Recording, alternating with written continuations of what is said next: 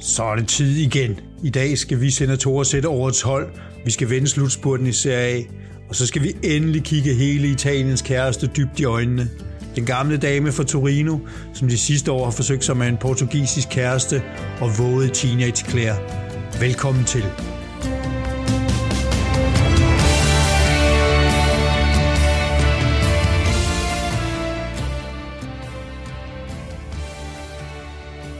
Ja, velkommen tilbage til Senaterhulen, hvor vi er klar med et nyt afsnit fra Calcio-verden.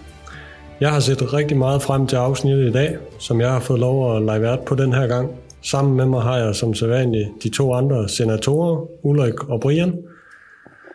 Forhåbentlig så er vi alle kommet os efter Coppa Italia-finalen i sidste uge. Nogle de druknede soverne, andre de havde tømmermænd af ren og skær fejring – vi har tre forskellige ting på vores program her i dag. Først så skal vi runde weekendens kamp i Serie A. Vi skal have en status her inden sidste runde i weekenden. Og så har den gode Ulrik jo troet os rigtig længe, eller reklameret rigtig længe for den her deep dive af Juventus, som vi endelig får lov at høre. Og jeg ved, at Brian han har fundet den rigtig lange liste med, med spørgsmål frem. Så skal vi slutte af med noget, der kun Den frygtelige mappe. rigtig galt. Vi skal prøve øh, at opnå enighed omkring over 12 for Serie A, og blive enige om, hvilke 11 spillere, der har fortjent en plads på 21-22 holdet. Jeg kan se øh, her i weekenden, en af senatorerne har været på Twitter og søgt nogle gode råd fra de gode folk på det forum. Så det bliver spændende at se, hvad han har bydet ind med i dag, udover de der fastpladser til De og Bernardeschi, som han har forsøgt at reservere på forhånd. Ja. Jeg har den ære at få lov at styre tiden den her gang, så det er jo mega betryggende for alle lyttere og alle seere derude, at ham, der overskrevet tidsgrænsen med Inter Deep Dive, han har fået den chance i dag. Men jeg har fundet stopur frem. En af os han har en skarp øh, familiær bagkant i dag, så det må også være den mest effektive måde at, mm. at holde snakketøj nede på. Men inden vi går i gang, så vil jeg også lige gerne takke jer alle for de anmeldelser, vi har fået siden det sidste afsnit, og den feedback, der er kommet tilbage til os, det er vi rigtig glade for. Vi laver selvfølgelig det her ud fra, hvad vi selv synes er spændende, hvad vi synes er sjovt, men vil selvfølgelig også gerne have, at nogen lytter eller ser med, så det ikke bare bliver vores eget lille ekokammer, vi sidder og snakker fra. Men vi kan heldigvis se, at I lytter med derude, så rigtig mange gange tak for det. Men lad os øh, komme i gang med dagens afsnit, og lad mig starte over hos dig. Ulrik, Juventus de var i kamp i går i sæsonens sidste hjemmekamp mod Lazio. Et farvel til Chiellini, et farvel til Dybala. Men er, hvem af dem var det hårdest for dig at sige farvel til, og hvem vil Juventus savne mest på uden for banen? Oh, indtil, indtil i går aftes, så ville jeg bare svare Chiellini, Chiellini, Chiellini. Um, øhm, men jeg må indrømme, at jeg sad altså med en lille klump i halsen og, og lidt øh, uh, halvfugtige øjne, da jeg så uh, Dybala bryde sammen i gråd og tydeligvis være meget, meget, meget følelsesmæssigt øh, påvirket af at skulle sige farvel til den her klub. Øhm, og han har jo, altså han, ja, hvad han udlignet scoringsrekorden sammen med Baggio, han er, han er i top 10 for øh, topscorerne, han øh, har afgjort mange kampe for os, øh, også positivt. Øhm, og er vel i virkeligheden en af de få med et meget stort teknisk talent, øh, eller i hvert fald, der er ikke mange af dem. Så, så der blev jeg sådan der, jeg fik en lille bitte smule koldfødder i går, og sagde, hvem, hvem skal nu gøre det, og øh, hvad skal der dog øh, ske med den unge mand? Han skal nok lande på fødderne, og han skal nok få en super karriere, det er jeg ikke i tvivl om, men jeg havde forberedt mig på i virkeligheden at skulle sige farvel til Kilini, som, som i min bog har en helt anden status end, end Dybala, og som har været der siden, øh, jamen altså siden Serie B-nedrykning, Calciopoli, øh, været igennem det hele, øh, 17 år i klubben og øh, 19 pokaler. En, en mastodont øh, uden lige både sådan, øh, i omklædningsrummet og også øh, på banen. Og så nogle, nogle vidunderlige dueller indimellem. Altså, jeg kan huske de der Zlatan-dueller, øh, Cavani. Øh, jeg ved ikke, om I kan huske den der kamp, hvor de skiftede til at, at rive hinanden i håret og knalde albuer i hovedet osv., og, så videre, og så gav de en stor krammer bagefter. Og det er jo bare sådan noget, man kommer til at savne Chiellini for. Men, øh, men det var jeg forberedt på, og det sad jeg og ventede på, og det var et storslået show, og han fik lov at blive skiftet ud efter 17 minutter, 17 sæsoner. Øh, lavede en stor æresrunde, som var en lille bitte smule bizarre, mens Lazio prøvede at få point og sikre sig det der. Men jeg sad tilbage bagefter, og var egentlig mest rørt af, at øh, den kære Paolo, han, øh, han brød helt sammen. Ja, fordi man havde ikke rigtig planlagt nogen øh, afsked med Dybala. Havde man det, man har planlagt Nej. noget for Chiellini, og så bliver det her med Dybala sådan lidt improviseret, øh, hvor at Bonucci han tager ham ned til fansen, og så, øh, så bryder han sig ud i grådet. Ja, det, det, det, var mere, altså det var mere sådan en normal udskiftning, hvor han skulle have en klapsalve og sådan noget. Det var slet ikke øh, den samme storslået. Altså der var jo også, efter kampen var der jo en stor samling ind i cirklen og øh, øh, lysshow og alt muligt for Chiellini det var planlagt, og det var koreograferet, og det var aftalt med, med, med ultras og alle sådan nogle ting, men det blev meget mere improviseret med de baller, som også gik sig en runde, og man kunne se, hvor meget han betød for fansene, og specielt de unge fans. Kommer vi tilbage til senere, det er noget, det klubberne gerne vil have fat i. I har begge to været inde på det i jeres oplæg, og, og der har han bare virkelig fat hos dem. Øh, og det, det kan blive spillemæssigt, og kommercielt kan det blive lidt et problem for klubben. Nu, øh, nu spillede de 2-2 i går. Der var lige en udligning til sidst i øh, langt ind i overtiden af Milinkovic Savic, og det blev også sådan lidt, lidt sommerbold der til sidst med nogle indskiftninger af en ung nordmand og alt muligt andet. Men I har Fiorentina ude i den afsluttende kamp her lørdag aften. Er det en kamp, I er helt ligeglade med, eller vil I gerne forhindre jeres gode øh, venner ned fra Firenze i at komme ud i Europa? Ja, altså vi bekymrer os ikke ret meget om Fiorentina, hvis jeg skal være helt ærlig. Det lyder lidt hårdt, fordi de jo er så sure på os. Men det, men det er faktisk ikke øh, så højt. Vi vil hellere slå Inter, det har vi jo så haft problemer med, og vi vil hellere slå Milan, som nu er blevet øh, big dog, i hvert fald i en periode. Øh, men jeg tror da, det bliver en god kamp også, fordi det er en udekamp, og der kommer som regel mange, øh, og Fiorentina-fans kan godt lide at, at slå Juventus. Det sker ikke så tit, og der er en god chance for, at det sker den her weekend fordi vi er sådan set på sommerferie.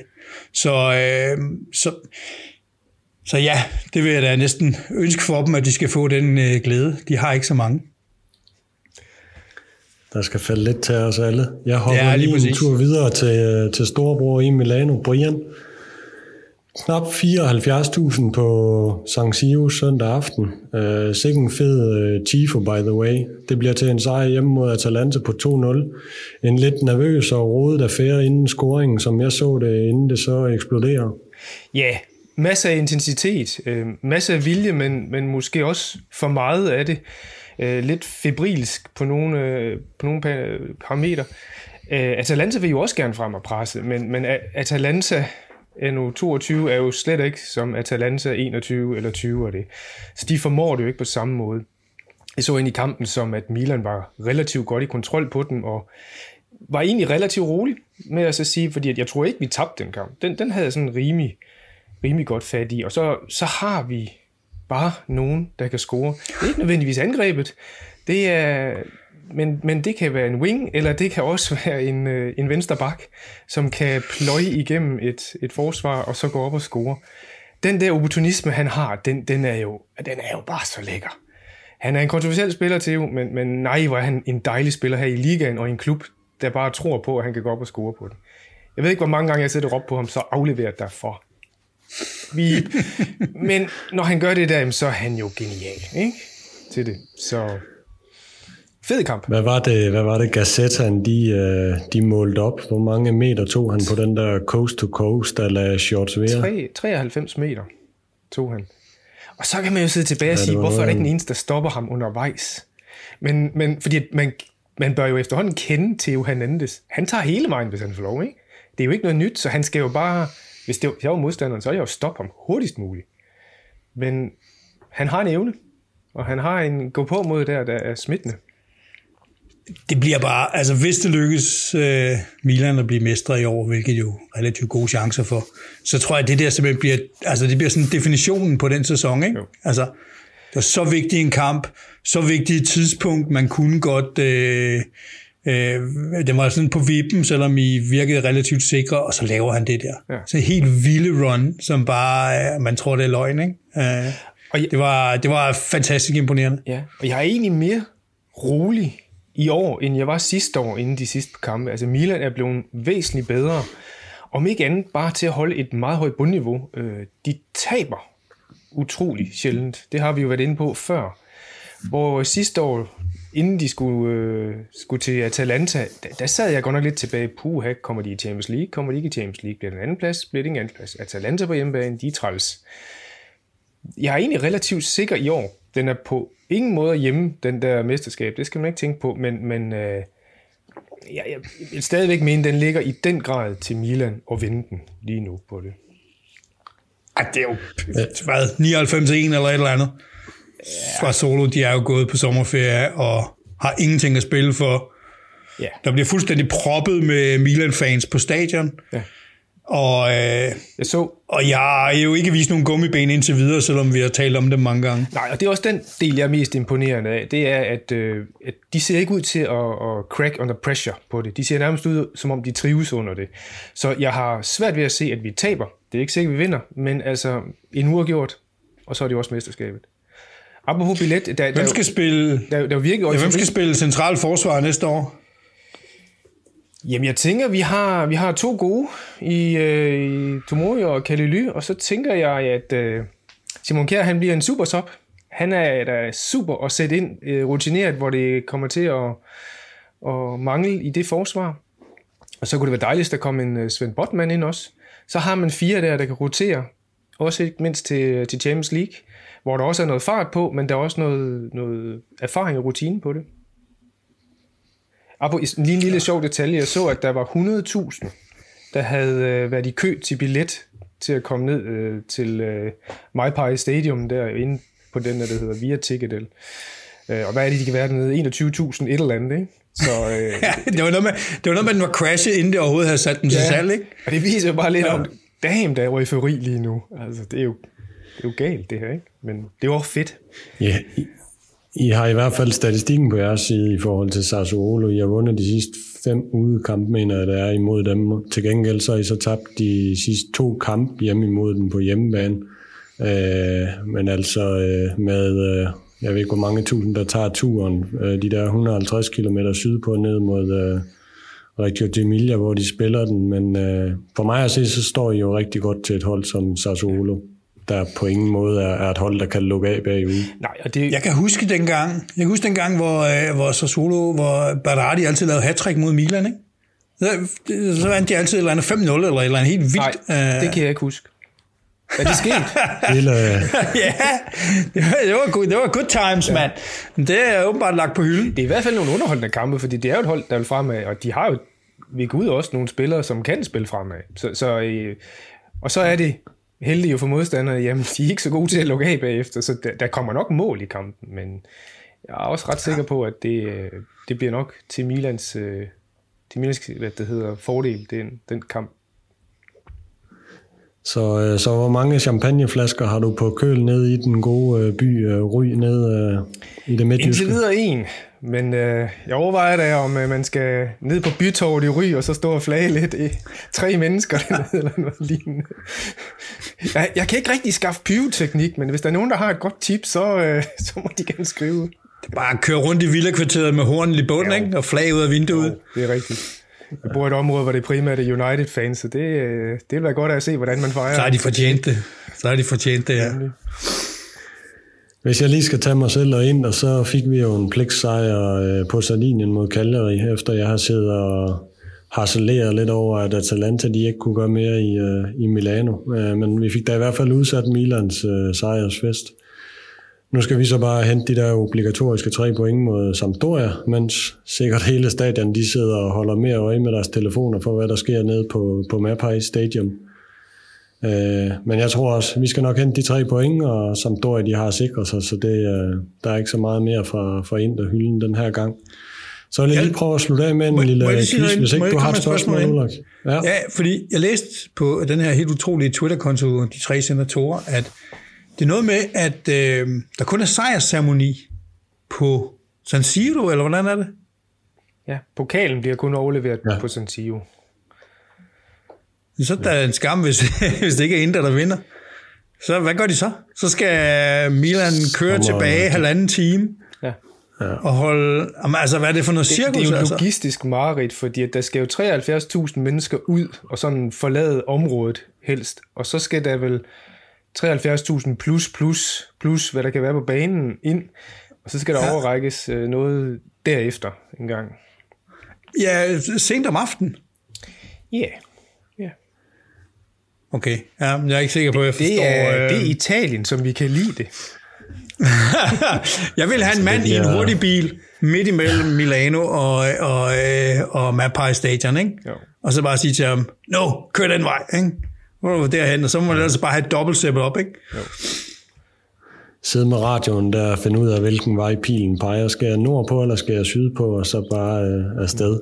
Det må man kunne klare dernede med noget øh, eskorte og ting, altså at de har, de har overtrådt reglerne for mindre end det. Ja. Men det bliver jo også noget af et spændende kaos at få øh, 75.000 ud af San Siro først og Inders tilhængere, hvis det ikke det er dem, der skal fejre Scudetto. Ja. Så, øh, så lad os se, hvor det ender. Jeg havde, øh, troede jeg lidt med, at jeg havde en lille quiz til jer begge to. Øh, lige i forhold til det her, vi er nok enige om, at øh, Milan, hvor langt er vi oppe på skalaen, Brian? 90, 95, hvor højt svinger du der? Jeg vil, jeg vil, jeg vil sige 85-15. Okay. Men øh, det inden for de sidste...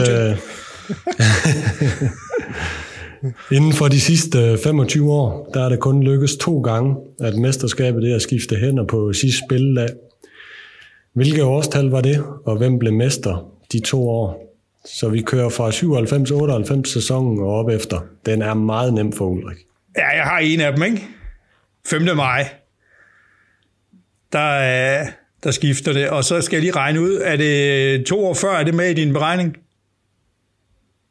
Du skal svare, du skal ikke svare. Er det Perugia, Perugia, Juventus smider den sidste dag i Perugia, Inter smider det den sidste dag i Lazio. Ja, uh, for, præcis. Og det, der skal vi alligevel noget, noget tid tilbage. Ikke? Juventus bliver 99. jo uh, snydt. Gevaldigt. 2000 sæson. I kæmpe, kæmpe regnvejr, hvor det er umuligt at spille fodbold, og så øh, vi skal have, jeg tror vi skal vinde. Og så, øh, og så øh, kan vi spille den her, og det, altså, det er et monsun uden lige, og øh, alligevel så siger, og hvis jeg ikke husker fejl, så er det Colina, faktisk god gamle skallepanden, der siger, at den skal spilles alligevel, fordi ellers bliver det helt lidt for besværligt. Og øh, så viser det sig, at Perugia vinder med øh, Materazzi på holdet. Øh, vinder 1-0, Juventus taber, Lazio bliver mestre. Og to år senere, jamen, så er det Inter, der skal have øh, point i Lazio. Og øh, det er den her skønne 5. maj, som vi har nævnt tidligere, hvor, hvor, øh, hvor det går helt galt for Inter mod Lazio. De ender med at tabe øh, 4-2, og Juventus til gengæld øh, vinder en pligtsejr, og pludselig er overraskende mestre, som får næsten øh, Antonio Conte til at få et hjerteanfald. I ren øh, sejrsros. Ja, Det var to ud af to, der var rigtigt. Skal vi uh, runde serie af, så kan vi jo starte med at sige uh, programmet her til næste runde. Vi starter fredag aften med Torino mod Roma. Lørdag er Atalanta, Fiorentina og Lazio i aktion om de sidste europæiske øh, pladser. Lazio de sikrer sig jo Europa League i går med uafgjort i Juventus. Så det er de tre andre hold, der spiller om det. Roma har 60, Fiorentina og Atalanta har 59 point. Så der er alt der spiller om for de uh, tre hold. Så har vi øh, hele nedrykningsspillet med Salernitana og Cagliari, der spilles midt i Scudetto-fejringen søndag aften. Salernitana har Udinese hjemme, og kan vist med en sejr selv sikre sig at sende Cagliari og Genoa definitivt ned. Cagliari skal en tur til Venezia, der ligger sidst. Så der er også drama her til sidst fløjt. Hvem tror I ender med Europa League-pladserne og nedrykningen?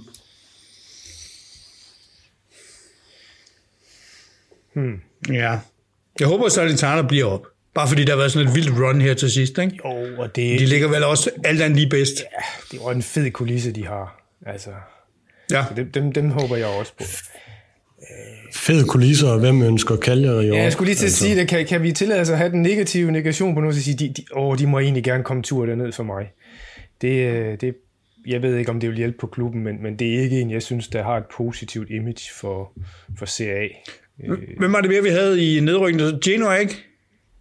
Øh, Genoa, jeg har ikke lige sat mig 100% ind i det, men der skal vist øh, ske rigtig mange mirakler flere steder, før at de øh, kan sikre sig overlevelse. De er også øh, Det er noget med, de, de skal klub. vel vinde. ældste klub, men, øh, men øh, de, de ligner også nogen, der trænger til at lige at komme ned og få rystet posen. Ikke? Jeg tror, de skal, de skal satse på, at både Salernitana og øh, Cagliari, de øh, taber. Så, øh, så det ligner et exit for dem. Ja. Øh, vi, øh, vi kommer først til at runde sæsonen af her helt officielt om tre ugers tid, eller hvornår vi har planer om at udkom igen. Øh, og det er simpelthen øh, her en runde før slut mig, der har valgt at sige, at min kalender den kan kun overskue, fordi det hele det ligger til Milan nu, og jeg har simpelthen brug for tre uger for at komme over en eventuel Scudetto og, og Brian og Milan. Nej, nu må vi se. Det kan godt være, at vi laver en lille breaking inden da, øh, og lige få ønsket vinderen ordentligt tillykke. Men øh, lad os se. Mit spørgsmål. Hvor lang tid tog det om at komme over sejren så? Sidste år. Du har jo lidt erfaring. Oh. Eller det er du ikke kommet over Jamen, nu? det er også derfor, at det er også derfor, tre uger, det bliver jo ikke nok. Altså, jeg, jeg, ja, det er en voldsom omgang. Ja. Skal vi uh, lukke ned for CA for den her omgang, og så uh, skifter vi emne, og så går vi over til dagens hovedtema for os, Juventus Deep Dive, presented by vores mediedarling Ulrik Larsen. Den har vi set frem til længe. Enten ja. så bliver det uh, godt 45 minutters gennemgang, hvor vi andre kan få frygten for Juve tilbage for næste sæson, eller også så kan vi slappe af i vidshed om, at vi får lov at beholde Scudetto-trofæet i en af lejrene i Milano de næste år, men uh, Ulrik, scenen er din med den gamle dame. Mm. Jamen, tusind tak. Tusind tak. Nu, nu har vi jo øh, nu har vi haft de to andre klubber her, og nu skal vi jo til den, den rigtig store af de tre klubber.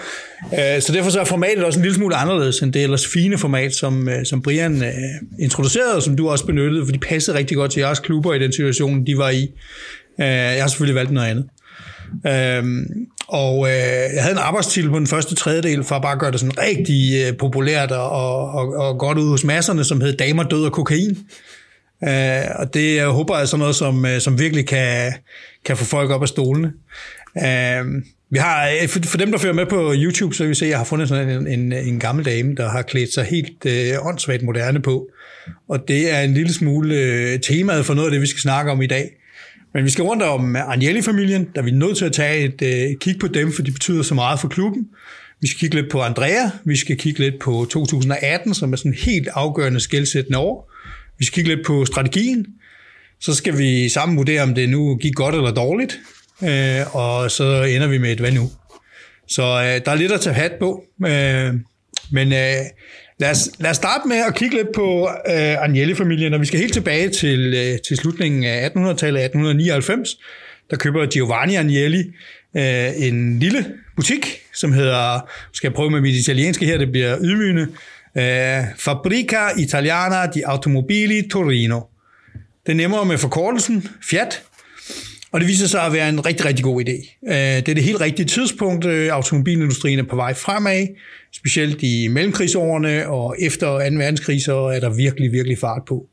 Vi skal ikke øh, beskæftige os så meget med Giovanni mere, fordi han, han, han var lige øh, efter min smag en tand for tæt på Mussolini og fascistpartiet, så vi glider meget hurtigt til at videre til hans søn, som jo også er den, der hedder Eduardo, den anden, efter sin bedstefar, Øh, og han i 1923 så køber han en lille fodboldklub. Det er Italiens øh, næstældste fodboldklub, Torino. Øh, men den er ikke noget særligt. Den har et mesterskab, men den er Torino-baseret. Så, øh, så det er en god idé. Det, han indfører professionel fodbold som det første hold i Italien, og øh, spillerne bliver kernen på landsholdet, som også er sådan lidt øh, noget af det, vi vil se ud i fremtiden han har pengene, og han når at nyde øh, den første store sådan, sejrsrække, hvor man får fem mesterskaber i træk fra 1930 til 1935. Men øh, ellers så er den kære Eduardo den anden ikke øh, verdens heldigste mand, fordi da han kun er 43 år gammel, så, øh, så skal han med vandflyver til Sardinien, og de rammer så sådan en, øh, en bjælke i vandet. Han ryger igennem forruden direkte ind i propellen. Så øh, det overlever han ikke overhovedet. Øh, og det er også en del af den her historie med Agnelli-familien. Jeg er ikke sikker på, at jeg når at nævne alle de her for tidlige og voldsomme dødsfald, der har været, men der har været mange. Da han, øh, da han dør her, kun 43 år gammel, så har han tre sønner. Øh, han har Gianni, som vi vender tilbage til. Så har han øh, Giorgio, som øh, desværre er syg det meste af sit liv, formentlig med skizofreni, og dør også meget tidligt, som 35-årig. Og så har han Umberto, øh, som, øh, som senere også bliver Juventus-præsident, og som er far til en vis øh, Andrea øh, Agnelli.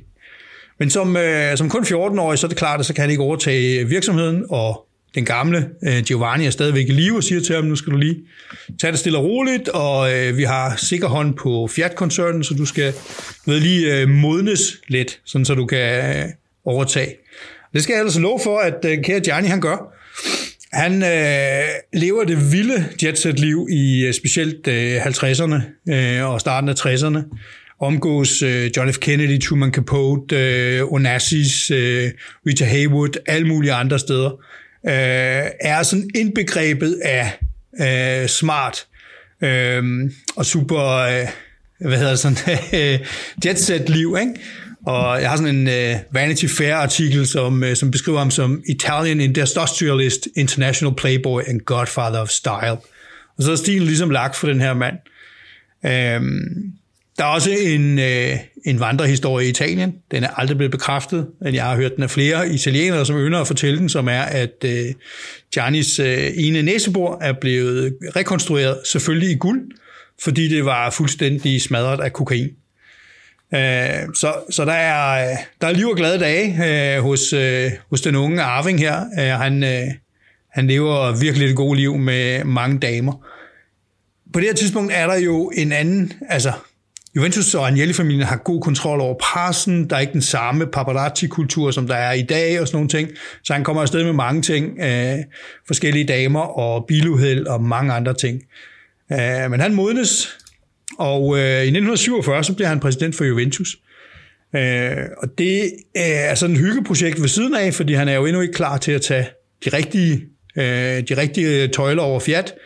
Men øh, timingen er rigtig for den kære Gianni. Han, øh, han kommer ind, og kort tid efter, så har vi jo det forfærdelige flyulykke, hvor hele Grande Torino-holdet går til.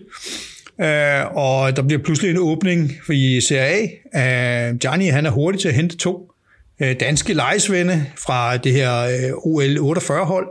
Øh, henholdsvis øh, Carlo Prast, som en hurtig, driblestærk ving, og så center forretten med det eventyrlige navn øh, John Angelo Valdemar Østegård Hansen. Vi vælger bare at kalde ham John Hansen. Øh, de bliver en succes, og de er med til at, at sende Juventus tilbage på scenen, men det er de vinder lidt, og de taber lidt og så videre, og pludselig går, går ballonen af det. Øh, noget af det vigtigste for dem, det er, at de virkelig spiller sammen med en meget, meget ung øh, Bonnie Perti, som øh, på det her tidspunkt er, øh, er, må være lige omkring 20 år, og øh, ham, ham kommer vi til at se en masse mere til. Øh, Juventus får et dyk igen, og nu kommer det virkelig det første rigtige splash, hvor Agnelli-familien går ind. Øh, I 1957, så har Juventus været lidt ned i en bødedal. Øh, man har sendt øh, de danskerne videre til henholdsvis Lazio og øh, Torino, tror jeg, uden at skal hænge mig op på det. og øh, så siger man, jamen vi har egentlig øh, ligands absolut bedste angriber i øh, Boniperti, men vi har brug for ligesom at lave en signatur, hvor Juventus virkelig træder ind på scenen. Og man køber to af verdens bedste angriber, hvis ikke to verdens to bedste angriber i John Charles, der bliver hentet i Leeds, og så Omar Sivori, som bliver hentet i River Plate, og så får man den her, som bliver kaldt uh, La Trio Magica, som er den her fantastiske trio op foran med Boniperti. Og sådan i nutidens perspektiv, så svarer det jo til at have Lewandowski og så hente Mbappé og uh, Erling Haaland oveni, så man ligesom har en sådan en, en virkelig super trio. Øh, og det fungerer godt, de spiller kun sammen i fire år, men de bliver sådan øh, legendariske i italiensk fodbold. Og det her det er ekstremt vigtigt, fordi timingen er, at Lige nu så boomer hele Fiat og hele Torino-området, som også huser Olivetti. Det er et industricentrum øh, øh, for Italien. Øh, der kommer, indbyggertallet bliver mere end fordoblet i løbet af starten af 50'erne. Øh, masser af folk kommer fra Syditalien, masser af folk kommer fra, fra andre steder i Italien til Torino for at arbejde. Man arbejder seks dage om ugen, om søndagen skal man så have noget underholdning. Det underholdning får man øh, på stadion sammen med Triomatica. Øh, og der bliver et tæt bånd mellem Fiat, Fiat-arbejder, Agnelli-familien og Juventus, det bliver sådan set skabt i den her periode. Øh, når man kigger på, hvor Juventus har tilskuer hen, så er det jo også meget sjovt, at for det første er det en klub, der ikke hedder sit, sit bynavn som Milano eller Torino eller alle mulige andre, men hedder Juventus. Og øh, tilskuerne er spredt ud over hele Italien og meget, meget stærkt repræsenteret i Syditalien. Så de år, hvor vi har haft øh, sicilianske klubber i Serie A, så har det været en fornøjelse. Der har simpelthen været proppet med, med Juventus-tilhængere hver gang. Og det er jo efterkommere eller hvis vi er rigtig heldige, også nogen, der faktisk har arbejdet i Norditalien for, for koncernen. så så her bliver, her bliver en masse af det stof, som skaber Juventus skabt. Og ikke mindst, så bliver det skabt gennem de her to herrer, som, øh, som udgør en, en definerende akse. Gianni, som nu er faldet lidt til ro og har taget øh, øh, CEO-posten inde hos, øh, hos Fiat. Han er samtidig også en ærespræsident, og han indsætter relativt hurtigt øh, Boniperti først i ledelsen og senere som præsident.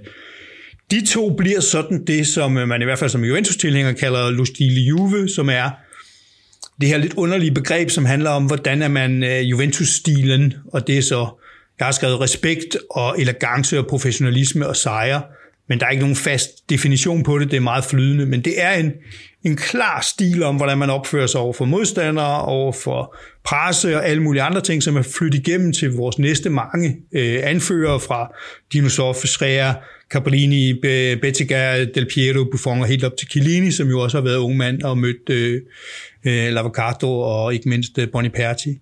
Det er også Boniperti, der ender med sådan at formulere det, der vel i mange, mange år, og forhåbentlig stadigvæk er kernen hos Juventus, nemlig det her DNA-formulering, der også er på indersiden af trøjerne hos Juventus, at det at vinde ikke det vigtigste, det er det eneste, der tæller.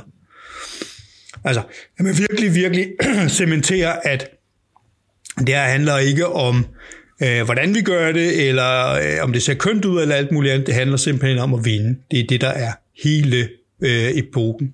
Så det er heller ikke øh, tilfældigt, at der, vi indviger det nye stadion, så er det jo Del Piero Boniperti. Der er sådan en øh, flere timer lang seance med alt muligt, lige fra cheerleader og gøjl og sådan noget. Men der er også bare en scene, hvor det kun er de to, der sidder på en bænk og spotlights ned på, som er noget af det flotteste, det kan man finde på YouTube, hvis man har lyst til det. Øhm, årene går, og så bliver øh, den her meget stærke ledelse, øh, både Umberto og Giovanni, eller øh, Gianni er ved at blive nogle gamle herrer, det er Boniperti også, han går fra som præsident i 91, Øhm, og der er ikke nogen umiddelbare aftager, det vender vi tilbage til. Der, der er ikke rigtig nogen, der sådan kan gå ind og tage det. Der er ikke nogen oplagt øh, øh Agnelli-arvinger. Øhm, så man sætter nogle advokater til at være øh, præsidenter, og så glider noget af magten ned i, i almindelig daglig management, og der får vi altså i 3 eller i 94 den her trøja, Trojka eller Trio med Gerardo og Bettega, som er en gammel topscorer, og så øh, vores ven øh, Luciano Mochi. Mochi har faktisk haft en periode i klubben tidligere og blev sparket ud som, øh, som sådan en low-level scout tilbage i 76 af Boniperti. Han kommer tilbage igen nu her. Nu har han lært alle de beskidte tricks over hos, øh, hos Roma, hos Napoli, hos Torino. Nu er han tilbage Øh, Gianni Agnelli gør meget stort nummer ud af at prøve at lægge distance til ham. Der bliver ikke taget ret mange billeder af de to sammen. De prøver ikke at optræde de samme tidspunkter. Øh, og har det her øh, fantastiske, øh, berømte øh, citat omkring, omkring Mochi til en journalist, som, som indkredser Gianni Agnelli virkelig elegant, som er at sige, jamen kongens staldgræng bør kende alle hestetyvene får lige udnævnt sig selv til konge, han får lige udnævnt øh, Moji til at være en stalddreng, som øh, har beskidte forbindelser. Øhm, og øh, det er jo sådan set meget smart, at tankegangen var, når de andre de går og er lidt lusket i kanterne og ikke overholder reglerne, så skal vi også have en, der kender spillereglerne. Problemet var, kongen havde slet slet ikke styr på sin stalddreng, og i øh, 2006 jamen, så, så har vi Calciopoli, som, øh, som fuldstændig vælter korthuset. Da vi så står øh, efter Calciopoli, og, og man, skal, man skal virkelig prøve at forstå, hvor stor en ydmygelse Calciopoli er, fordi man har fået det her brand, som er, øh, sagde tidligere, det tætteste, man har på en royal familie i Italien med Agnelli-familien. Man har en meget succesfuld øh, industrivirksomhed.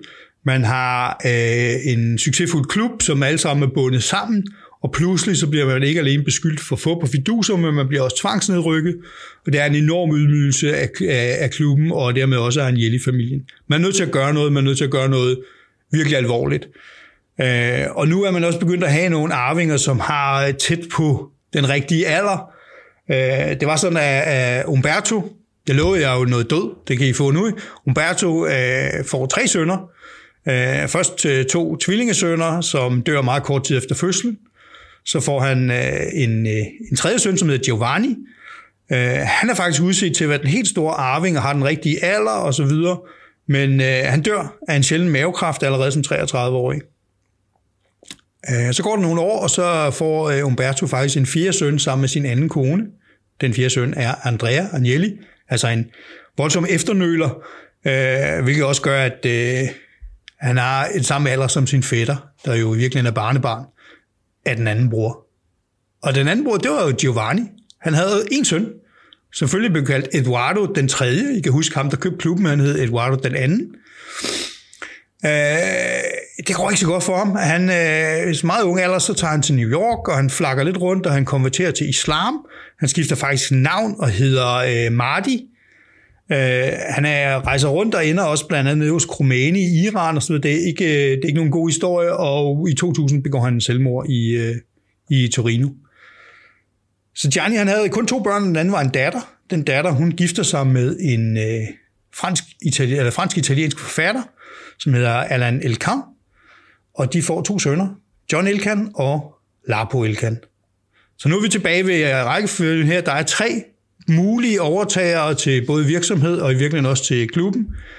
Øh, I virkeligheden er der kun to, fordi Lapo han er fuldstændig fucked up på coke øh, og roder rundt øh, med prostituerede og alle mulige ting, og han har ikke den samme beskyttelse som, og heller ikke den samme elegance som sin bedstefar, så han ryger i mange øh, pressesøgelys, øh, og hvis man følger Juventus, så ved man også øh, meget om, om vores gode ven Lapo der. Så der er kun to. Der er i virkeligheden øh, Andrea Agnelli, som er barnebarn øh, af Umberto og har det rigtige efternavn, og så er der John Elkan, som, øh, som ikke har det rigtige efternavn, men som øh, har direkte linje til Gianni. Og der er en magtkamp i, i Agnelli-familien her, og det ender til fordel for John Elkan, øh, som bliver CEO i øh, det firma, der hedder Exor. Øh, og trøstepræmien til, til unge, øh, virkelig ambitiøse Andrea Agnelli, det er så præsidentskabet for Juventus. Hvad er så Exor for noget? Jamen i virkeligheden så laver John Elkan en øvelse, hvor han samler familiens aktiver. Det var i gang før ham, men han er den, der færdiggør det og afslutter det og forfiner det, fra at være en bilfabrikant til i virkeligheden at være sådan et øh, industrielt investeringsselskab. Øh, I dag har man øh, aktier i øh, Ferrari, og man har også aktier i det, der hedder Stellantis, som er et, et, et nyt bil øh, brand eller bil overhead, som dækker over, skal jeg se, om jeg kan huske dem alle sammen, Alfa Romeo, Chrysler, Citroën, Fiat, Jeep, Lancia, Maserati, Opel, Peugeot og en masse andre, jeg ikke kan huske. Så det er sådan et, et brand order. Men der er man kun 14 procent. Man er ikke længere en bilfabrikant. Man har også et forsikringsselskab, og man faktisk det meste af det, som hedder Partneret. Man har en del øh, medie, øh, blandt andet Economist Group. Man har en del medie med Christian øh, Louboutin øh, og noget kinesisk øh, mode. Så man har mange forskellige ting, og det her, det lykkes virkelig for John Elkan. Øh, Øh, I løbet af de første 10 år, så 12-dobler han værdien af Exors øh, samlede øh, aktiver, øh, og det får Wall Street Journal her i 2020 til at udnævne ham til sådan øh, et Wonderboy og sammenligne ham med Warren Buffett som en meget berømt øh, amerikansk investor. Øh, og jeg har prøvet sådan lidt, det med alle de caveats, der overhovedet er, jeg har prøvet lidt hovedregning, hvor mange aktier har de, og hvad er aktieværdien osv., men John Elkan de 10 år formentlig forøget øh, Agnelli-familiens formue med sted mellem 70 og 80 milliarder euro. Altså, det var 70 og 80 milliarder euro. Så jeg tror, at når de har familiefrokost, så er han en populær herre, som folk gerne vil øh, lige hen og trykke i hånden. Hvor stor er X og selskabet, Ulrik, bare lige sådan i et global kontekst? Som, altså det er omkring firma? omsætning. Omsætningen ligger omkring de 30 milliarder euro øh, hvert år, og de ligger og laver nogle pæne overskud, som bliver geninvesteret.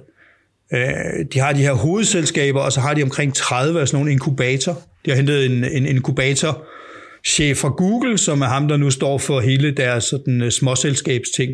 Så man har hovedselskaberne, som giver omkring 30 milliarder i omsætning om året, og så har man øh, de her små selskaber, hvor man bedre på, at en af dem skal blive stor og fantastisk. Ikke?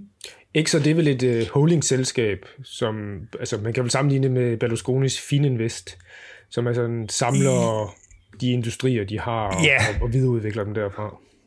Og det, Exor er et holdingselskab, som har ejer en masse mindre selskaber. De driver ikke nogen selv, altså ligesom vi også havde med, med, med Elliot og alle de der ting.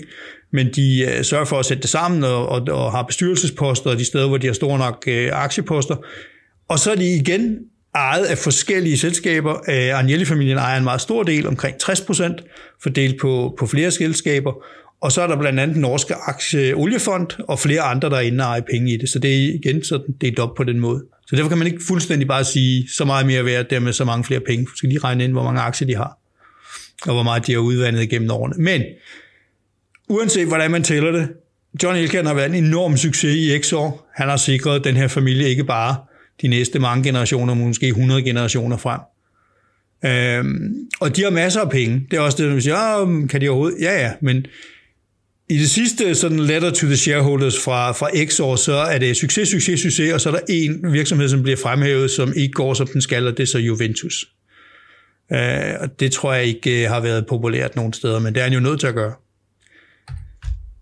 Hvem står så tilbage her? Der er en, der har tabt den her magtkamp, og han har fået øh, sådan lidt et rådent æg i hånden her, den kære Andrea Agnelli. Han vil meget, meget gerne vise, at han er lige så dygtig som sin fætter.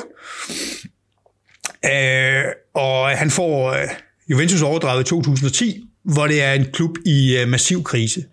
Heldigvis er en handlingsmand, fyrer straks øh, Zaccaroni som træner, og Alessio Secco, som var en gammel pressetalsmand, som var endt som sportsdirektør, og som var udulig væk med dem, kigger over til Sampdoria og henter øh, Beppe Marotta og Paracici, øh, tager Del Neri med, han får en sæson, og så kommer Conte, og så starter toget. Og de her fire, de her Fab Four, de kommer virkelig til at drive den her forandring af Juventus.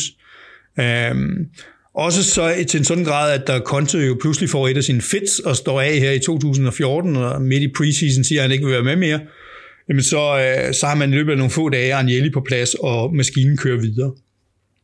En enorm præstation og næsten uset dominans, man har mellem øh, 12 og 18-19, øh, som i høj grad kan tilskrives de her øh, tre herrer. Og også Andrea Agnelli, som selvfølgelig er den, der hyrer og fyrer og sørger for det. Øh, men hvis der er noget, man sådan skal forsøge at forklare med Juventus, så er det jo i virkeligheden den her mærkelige graf, som jeg selv har lavet. Og, Så hvordan grafen ser ud, og hvad der er på akserne og sådan noget, det står fuldstændig for min regning. Men i virkeligheden, så er det en graf til dem, der ikke ser med på YouTube, som starter ved Calciopoli, hvor Juventus er helt nede i bunden. Så kører den sådan lidt bølgebevægelse frem til Agnelli overtager, og så er der ellers fart på op ad bjerget, op ad bjerget til først finalen i 2015, som man taber mod øh, Barcelona, men godt kunne have vundet. Øh, fortsætter videre op, ender i 2017 til finalen mod Real Madrid, som man nok ikke kunne have vundet, fordi man mødte et bedre hold.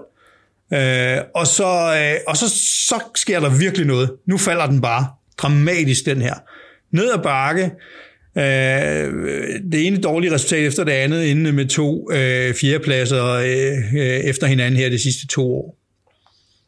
Og jeg har sat en masse begivenheder ind på det. Det kan man læse, hvis man gider på YouTube, eller hvis man overhovedet er i stand til det. Vi kan også lægge den ud. Den er ikke så vigtig, men det er den her knæk, som er omkring 17-18, som, som er virkelig interessant. Hvad er det, der sker?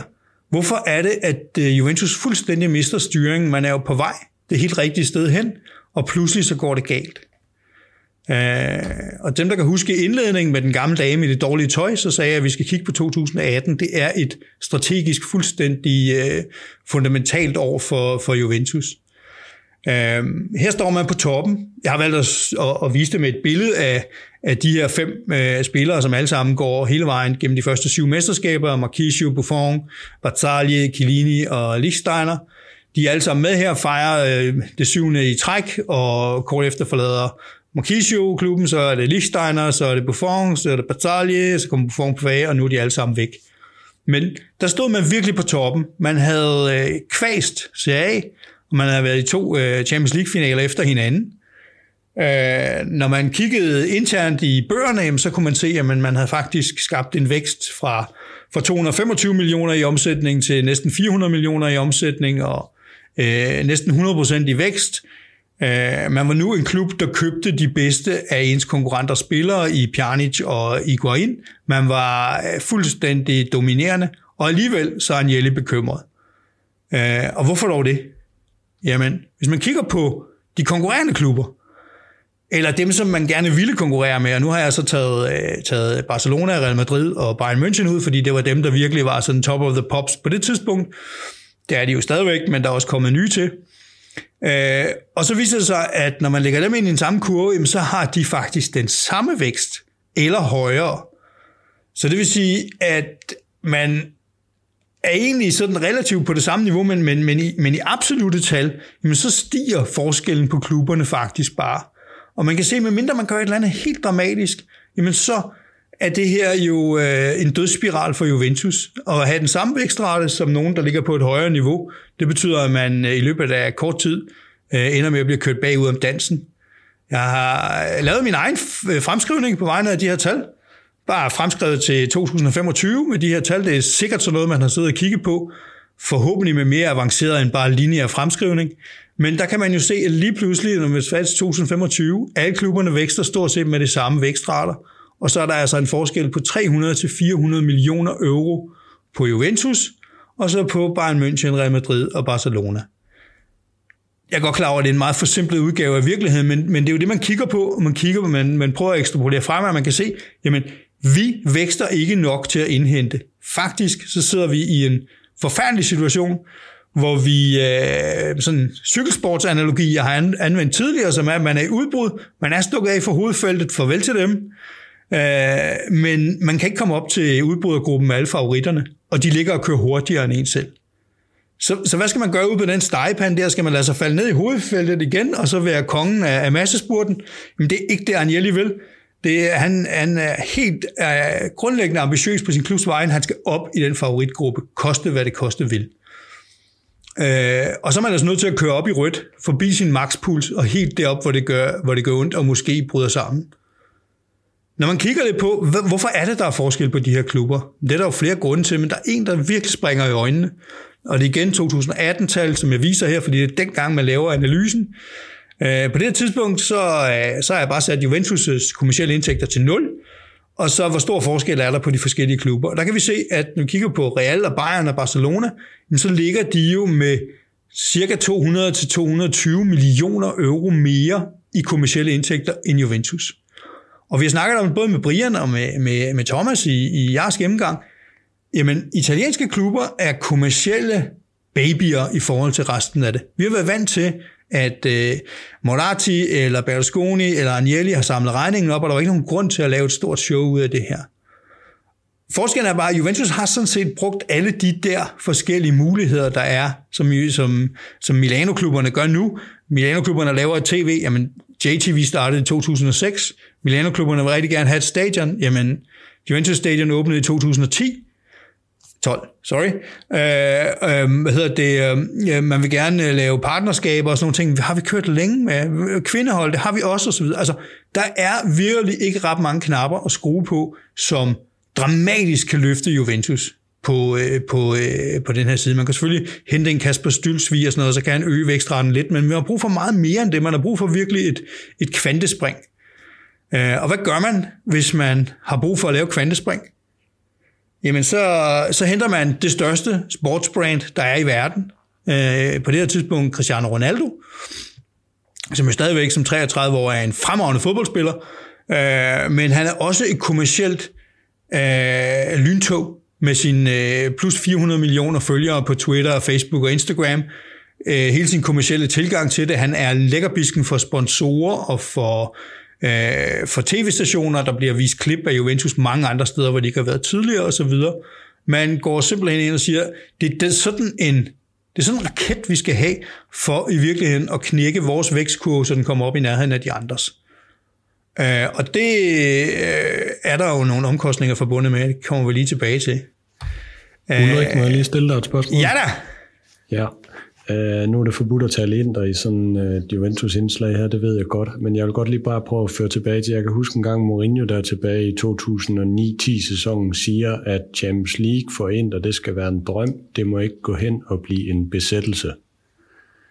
Ender de her finalen nederlag i 2015 og 2017 med at blive en eller anden form for besættelse, også lidt for Agnelli og Co., at man er så tæt på lige at ramme det, og så tænker man, hvad er det sidste, vi skal gøre for at hente Bayern, Barcelona og Real Madrid?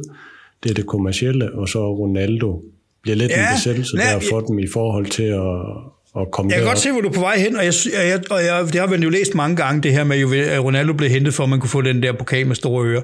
Jeg mener, der er fundamentale forskelle på Moratti, Moratti den yngre, som jo i virkeligheden skulle have den Champions League-pokal. Og så var han færdig. Så lagde han sig op i hængekøjen og sagde, nu har jeg gjort det, jeg har lavet det samme som min far. Øh, nu må klubben i store træk sejle sin egen sø, og ender med at sælge det til nogle kinesere eller indonesere. Agnelli vil vinde den mange gange i træk ved at være en af de klubber, som er den absolute elite i Europa. Så det handler ikke om, at øh, Ronaldo skulle komme og så vinde den ene pokal og så tage afsted igen.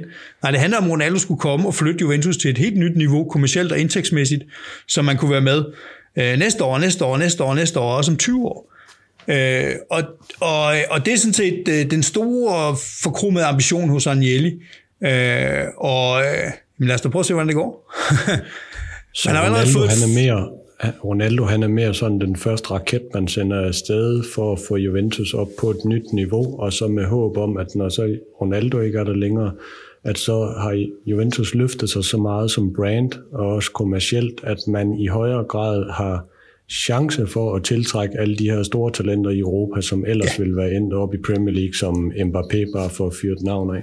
Fuldstændig. Når man laver den første aktieudvidelse, så er det jo også med begrundelsen om, at man skal forberede på, at man kan købe den næste Ronaldo bare når han er 22, i stedet for at købe ham, når han er 33. Altså det bliver helt eksplicit sagt af Agnelli. Øh, men, men det vigtigste det er det med, at man virkelig ser den her gruppe af de gamle klubber og de nye Premier League-klubber og PSG simpelthen bare spurgt afsted i et tempo, som hvis man lader tiden gå, så kommer man til at være håbløst bagud.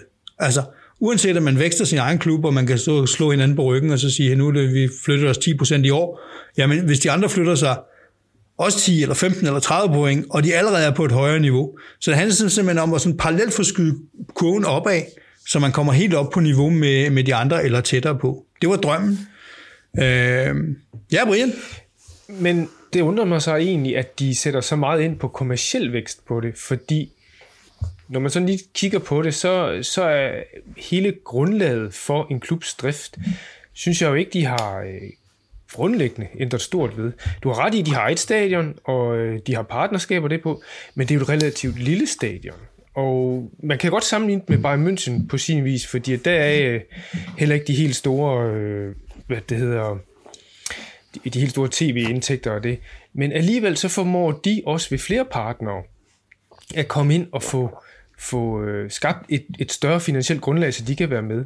Øh, er, er det simpelthen den italienske DNA, der gør, at vi vil ikke dele det her med andre? Der kommer ikke andre ind i Juventus, end den der lille del af aktionærer, der er der? Ja, altså det tror jeg bestemt. Man, man ser det her som et, som et Agnelli-projekt, øh, som nu har vi lige haft en lange gennemgang af, af var det død damer og kokain. Øh, og, og det er jo helt åbenlyst øh, også Andrea Agnellis, øh, altså hvis jeg husker lidt tilbage i min præsentation, han, han, han, han blev overstepped på, på X år, og han vil også gerne vise, og, og hvad er bedre end at vise, at Juventus ikke bare er dominerende i Italien, det havde man jo løst. Man kunne godt have fortsat det i 2018, og så havde blivet ved med at være, måske strukket den i 6, 7, 8 år frem. Men hans ambition var, at vi skal simpelthen være en af de her, måske altså til, Finan- eller til Financial Times siger at de skal være den bedste i verden, og den rigeste klub i verden, og alle de der ting, men, men realistisk er det vel, at man er i top 5 og bliver ved med at være det. Og der er jo også nogle flere tricks i, i kassen, som, som afslører den her ambition. Øh, det første, man gør, det får man jo allerede i 2017, som er næsten mere kontroversielt end, end, end Ronaldo-signingen, hvis den er kontroversiel uden for øh, økonomkredse, det er jo skiftet af, af brand, øh, som sådan. Man tager det gamle skjold, eller den version af det gamle skjold, man havde i 2017, og så erstatter man med det her øh, J med et Juventus op over, siden er det Juventus forsvundet. Så nu har man i virkeligheden kun det her øh, øh J tilbage, som, som signalerer meget mere moderne underholdningsindustri, øh, global og så videre, ikke et, øh, et øh, byskjold øh, fra Italien. Øh, yes, og det er så kontroversielt, at Brian har en kommentar. Nej, jeg vil bare spørge, hvad synes du om det? Ja, ej, jeg tror, jeg har det ligesom mange andre i den forstand, at jeg kan godt se, at det er lidt mere moderne og sådan noget, men jeg er jo vokset op med det gamle, og det er jo egentlig det, jeg sådan set nok bedst kan se mig selv i. Jeg skal sige, det gamle var jo ikke et, det har også udviklet sig enormt meget over tiden, men, men jeg, jeg synes, det andet er lidt for stilistisk og lidt for øh, reklamebureauagtigt, hvis jeg skal være helt ærlig. Men det er ikke sådan noget, det er ikke noget, jeg har grædt mig i søvn over, i modsætning til mange andre. Altså, jeg synes, det er lidt synd, de mister koblingen til øh, byen Torino i det nye logo. Det, ellers så har de jo altid ja. haft det der bylogo med tyren og, og Savoy-kronen, ja. inden, øh, for ligesom at markere dog en eller anden tilknytning til byen Torino. Det er der jo slet ikke i, i det nye Juventus. Nej, Men, øh, og det er meget, meget bevidst. Man, vil, man, vil, man er et globalt mærke. Man, er, øh, man skal være Paris, New York, Washington, Beijing, Hongkong, mere end man skal være Torino. Øh, og det er nødvendigt, hvis man skal kunne konkurrere med alle de andre, er analysen i hvert fald. Øh, den her analyse om, at man er nødt til at gøre, øh, tage dramatiske ting i brug for at komme på næste niveau, det er ikke alle, der deler. Øh, der er i hvert fald kort efter, at øh, Ronaldo bliver signet, til en enorm omkostning til klubben. Øh, han koster jo klubben i afskrivning og løn 90 millioner euro hver eneste år. Det er helt uset. Altså, øh, øh, Vlaovic koster 31, øh, som en enorm dyr fodboldspiller, og Cristiano Ronaldo koster tre gange så meget. Og det er, det er der to, der har svært ved at forlige sig med. Mm, I hvert fald så ryger de hurtigt ud. Øh, Beba Marotta, farvel til dig, og farvel til Aldo øh, Marcia, som har været finansdirektør i årene imellem.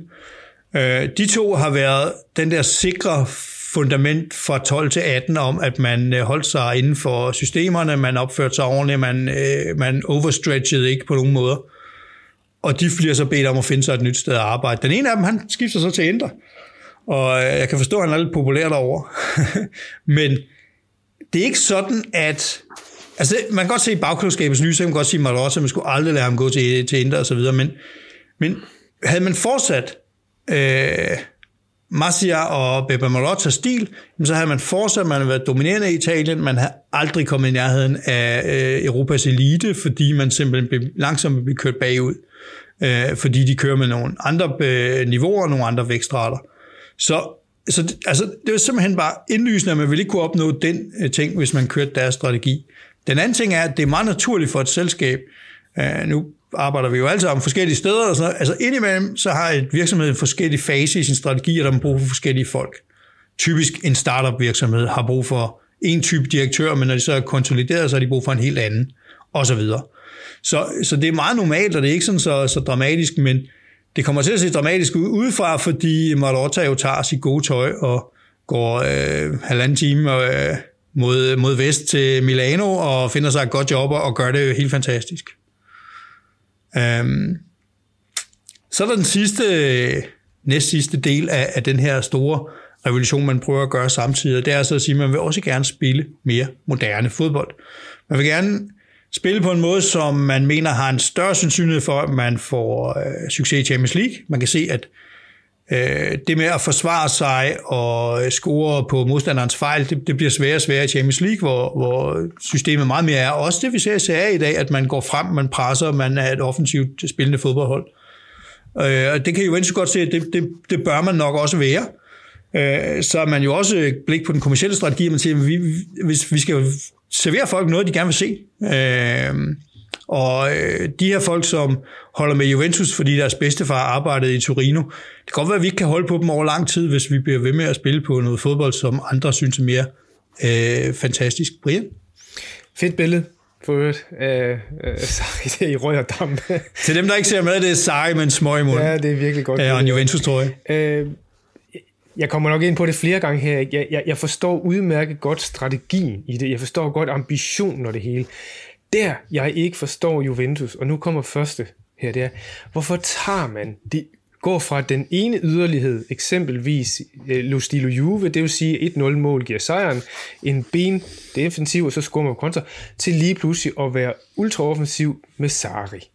Altså, du, du, det, det, er, det, det er der, jeg har den sådan lidt, og det, det er meget atypisk Juventus, som jeg kender den. Det er jo, at man ja. går fra en yderlighed til en anden. For Juventus er for mig meget kendetegn ved stabil, organisk vækst på det. Men her, inden for de seneste år under Agnelli, så går man fuldstændig i den modsatte grøft. Man kunne jo man kunne jo have taget en mere pragmatisk træner i eksempelvis Ancelotti eller, eller andre, som måske gradvist har fået omformet det her hold fra et klassisk defensiv til et mere boldbesiddende og et preshold.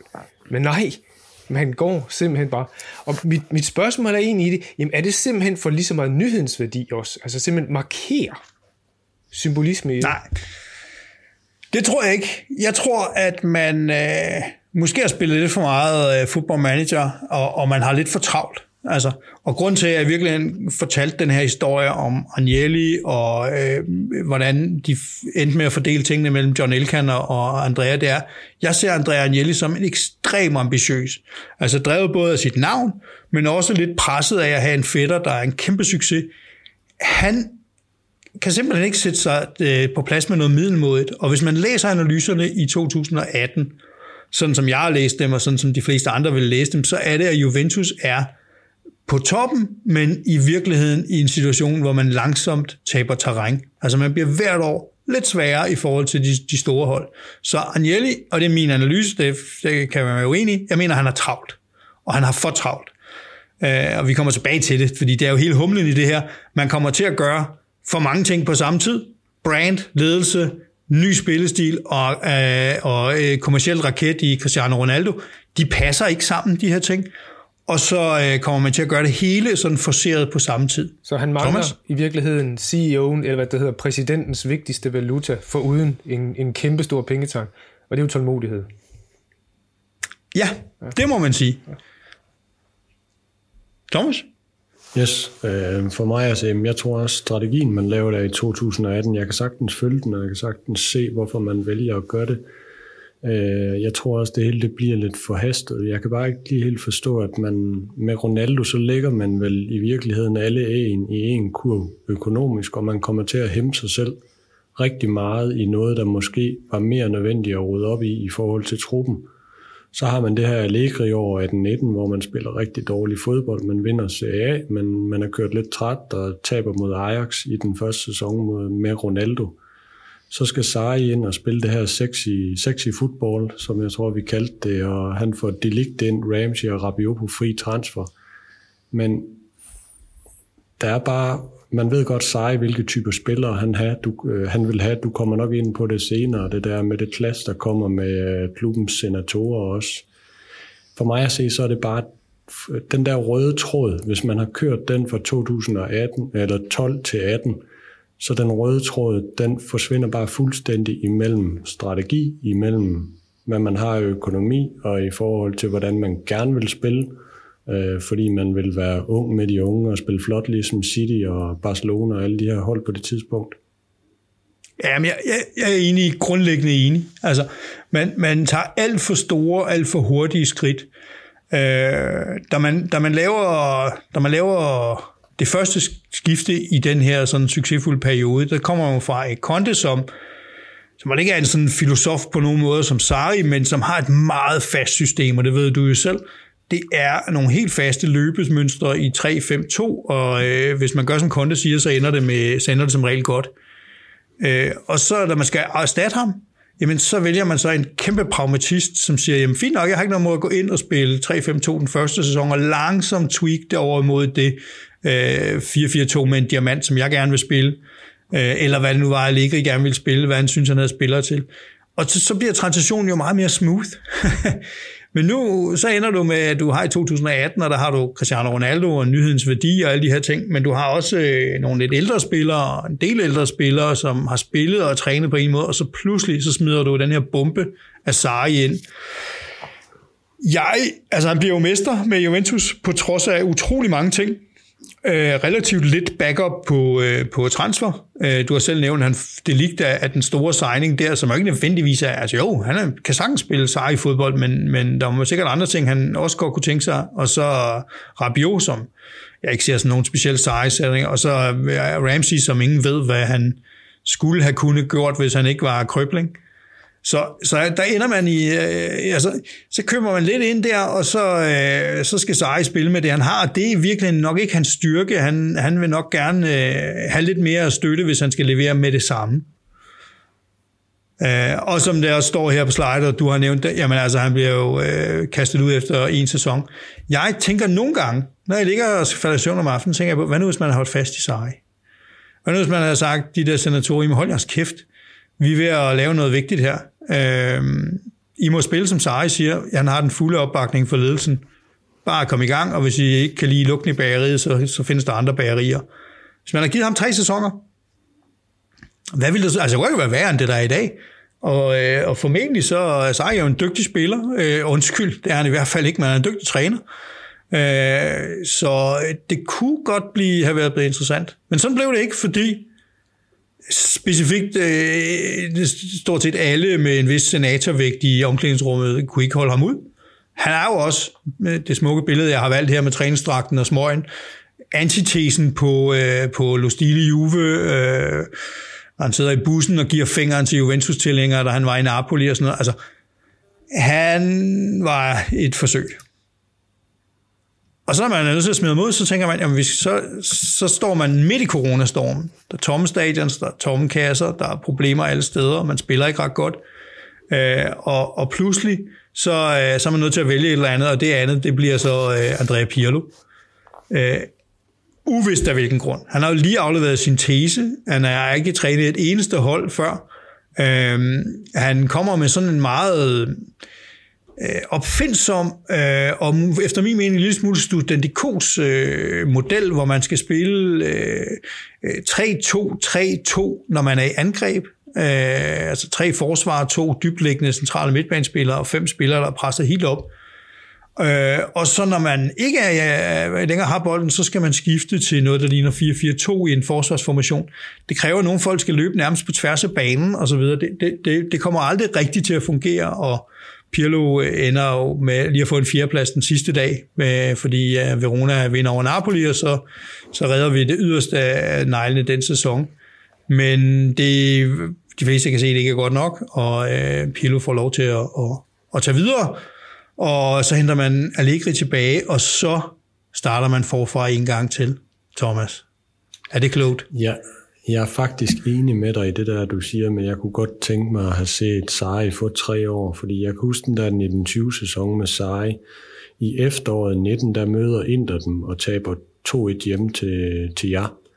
Og der er der rigtig mange sekvenser i det spil, hvor jeg bare tænker, det er godt nok hurtigt Juventus, de begyndte at spille sejbold, øh, short passing, og det kører bare. Jeg synes faktisk, de hurtigt spiller noget, man godt kan ligne lidt sejbold, så flader det lidt ud, og det kan godt være, at senatorerne ikke vil spille det, og Sej, han begynder at snakke om det her med, at de her spillere, de er heller ikke til at træne, og de vil ikke alt det, jeg vil.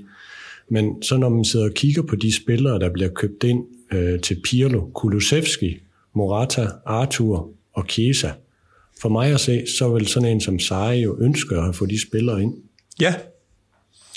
Må ikke også, de handler jo ved, hvad Kulusevski var i hvert fald lavet, ikke? men Ja. ved ikke om, altså, de, de er jo lange under forberedelse, så nogle folk tror, når man følger på Twitter, så tror man, at handler det noget, der bliver lavet på fem minutter inde i et baglokale, og så er det overstået. Det er det ikke. Det er meget lange forhandlinger og store kontrakter. Så det har nok taget noget tid, og det er også noget det, jeg vender tilbage til, når Brian lige har sagt noget til os. Jamen, jeg kunne også godt tænke mig at have set Sari få mere end et år der. Øh, men vi ved jo alle, at culture eats uh, strategy for breakfast, den kommer vi nok også ind på flere gange. Og det kunne, altså, skal sådan en transition lykkes med en ny træner og en helt ny stil, specielt i så en kulturtung øh, organisation som Juventus, så skal han have mere end et-to år. Men jeg læser også Juventus' fyring af ham med, at han er jo en meget speciel trænertype. Enten så er det my way ja. or the highway. Enten kan I lide det, eller kan I ikke lide det. Altså, jeg ved jo, Berlusconi har jo for eksempel prøvet at, at hyre ham i sin tid, og der vil han sgu ikke op for at sige det ærligt. Så, så han er nok også en type, der er meget ærlig og meget bramfri. Og enten så giver du ham frit slag, eller så siger du, ved du hvad, det her det klikker fuldstændig med os, du. Eller det, det klikker. Det, øh, det, det, øh, det konflikter fuldstændig med os. Så det kan også være, at han selv er en, en del af det problem, der gør, at han bliver afskedet så tidligt. Ja, men jeg synes jo, man kan mene meget om Sarri, men han har aldrig lagt skjul på, hvem han var, eller hvad man fik i pakken. Ikke? Altså, øh, og der, der er han jo... Øh, der var han jo sig selv, og han insisterede på, at de skulle stå højt uanset hvad, og de skulle øh, presse på de rigtige tidspunkter, som de ikke lige havde lyst til, eller var vant til, osv. Og, og øh, der var masser af clashes, men altså, som også som Thomas siger, jeg synes også, der var perioder, hvor de spillede rigtig, rigtig godt. Og for eksempel, nu havde vi lige starten her, når jeg snakker om de baller. De baller ender i sejsæsonen som MVP på et helt utroligt godt forår. Men det er jo et forår, hvor Sarri siger til ham, på her, jeg river simpelthen armene af dig og tæsker dig med dem, hvis du ikke bliver op på det felt. Mm. Ikke? Altså, du skal ikke ned, og du skal ikke ud på højre kant, du skal ikke ned og samle bolden op på midtbanen, du skal blive derop lige ved siden af Ronaldo, og så kan vi få vi fuld valuta for dig. Og de har kæmpe clashes hele tiden. De bare der ender med at gøre, som der bliver sagt, i hvert fald i noget af tiden, og, og er jo øh, en gudsbenået afslutter og øh, ender som MVP. Og der kunne jeg godt, altså noget mere opbakning til Sarri kunne godt have løst nogle af de problemer, og hvis Kalini ikke havde benene til at presse højt, jamen så skulle vi måske have sagt farvel til ham dengang.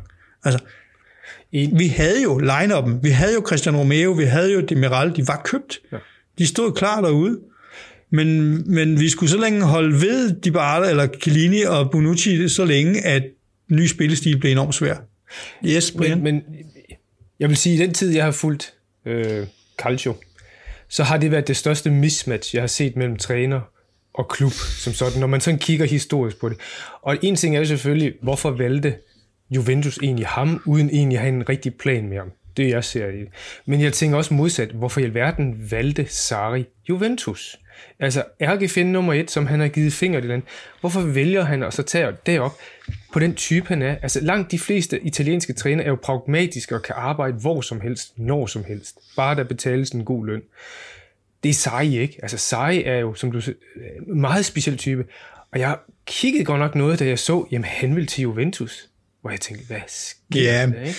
Det, det gjorde jeg også. Men nu skal vi jo tænke på, at Sarri har en meget lang karriere, hvor han kun har én national titel. Og I kan jo gætte længe om, hvor den er kommet hen. Ja, ja. Hos Juventus, og, og, øh, og, og det, det, det tror jeg også betyder noget for sådan en som Sarri, at man øh, gerne vil have nogle pokaler i skabet, hvor man viser, at man ikke bare er noget et fritidsprojekt, øh, men at man faktisk også kan skabe sejre. Nå, hvis ikke vi skal dø men det her det er jo helt fundamentalt for mange af de problemer, der kommer til at gå. Uh, jeg har lige, øh, uh, Arnieri, han havde jo de her fire ting, han, han satte i søen på samme tid. Nyt brand, ny ledelse, Cristiano Ronaldo skulle løfte øh, det hele, og så skulle vi spille moderne fodbold. Og så havde han en, en skuffeplan om, hvis det her ikke gik, så var han nødt til at have en anden plan. Skal vi ikke bruge så meget tid på, for det har vi gennemgået, men det er jo i virkeligheden den her Super League, uh, hvor Agnelli så igen bedre det hele, sætter alt på et bræt i forhold til at få, øh, få Superligaen op at køre, fordi Superligaen ville per definition sikre Juventus en evig andel af det gode selskab. Man vil ikke have nogen risiko for at glide ud af en elite, øh, og øh, det vil sådan kynisk og, og egoistisk fra Juventus øh, synsvinkel, så vil det jo være det helt rigtige for klubben, som, som ellers ligesom alle andre øh, ikke petrodollar og ikke Premier League-klubber øh, står for en svær fremtid.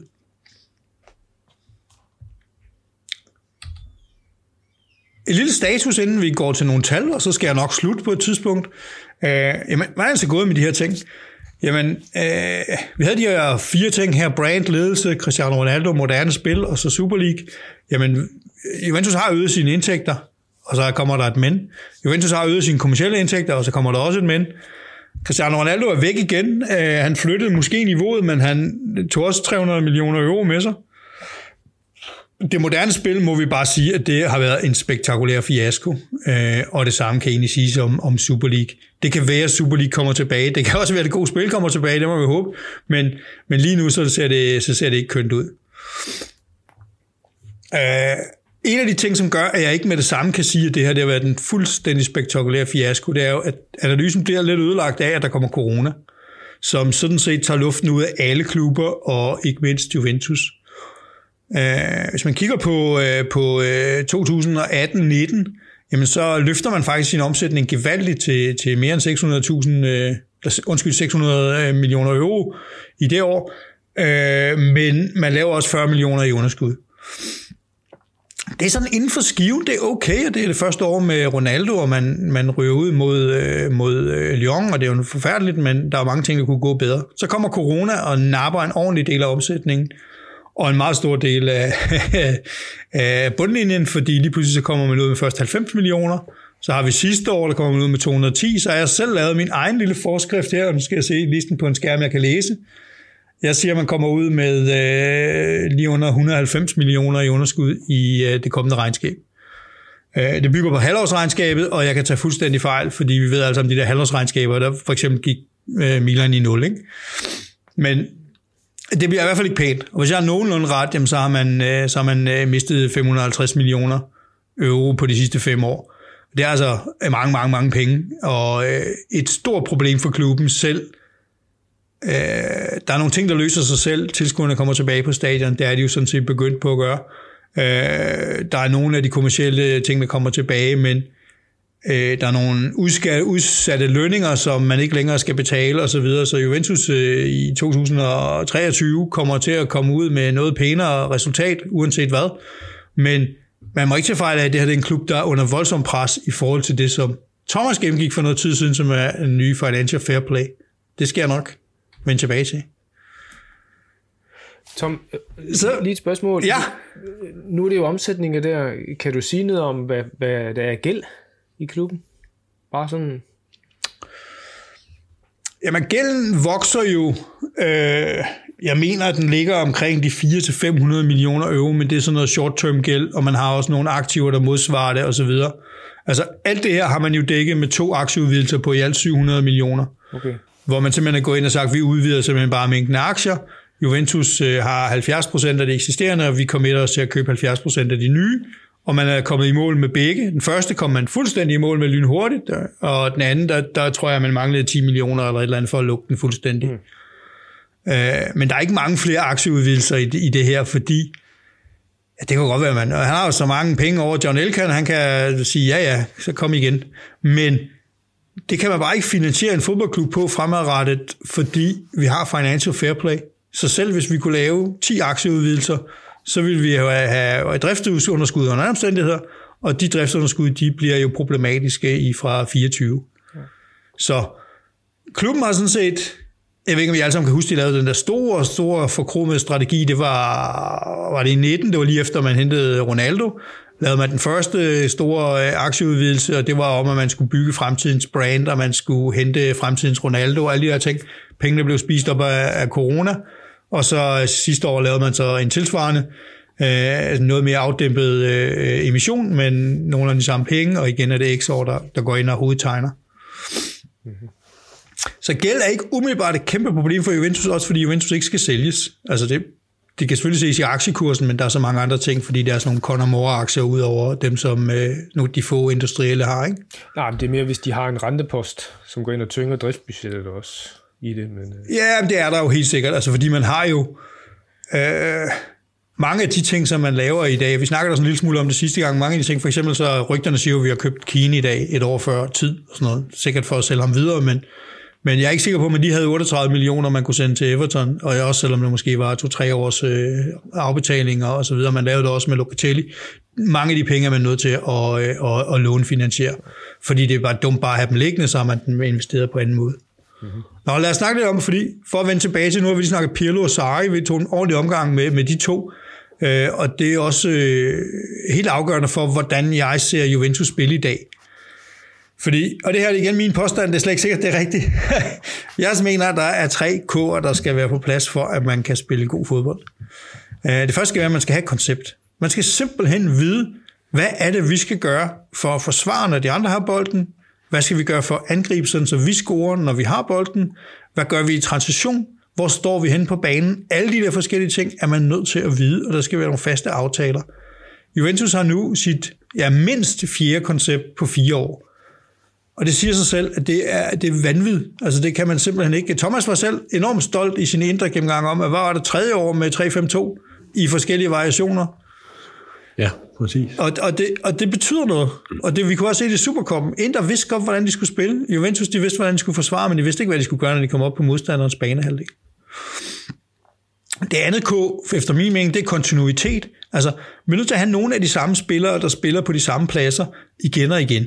Succesfulde hold, om det er Milan eller Inter, jamen de har en stamme på måske 8, 9, 10, hvis man er heldig, som spiller næsten hver gang, medmindre de er skadet. Fordi så har man relationerne, man ved, hvor de løbemønstrene er, man kender sine, sin øh, sine øh, nærmeste spillere på banen, og man har i virkeligheden nemt ved at læse og forstå hinanden. Men Juventus har jo de sidste fire år næsten ikke stillet med to ens øh, opstillinger i to kampe i træk. Øh, det er næsten et øh, vidunder inden for kombinatorik, at man er lykkedes at undgå det. Øh, og det er et meget stort problem, og man kan også se, at der ikke er særlig meget sådan intuitiv synergi mellem spillerne. Og den sidste, som, det sidste K, det er selvfølgelig kvalitet. Altså man skal have nogle spillere af en vis kvalitet, før at det her det kan virke.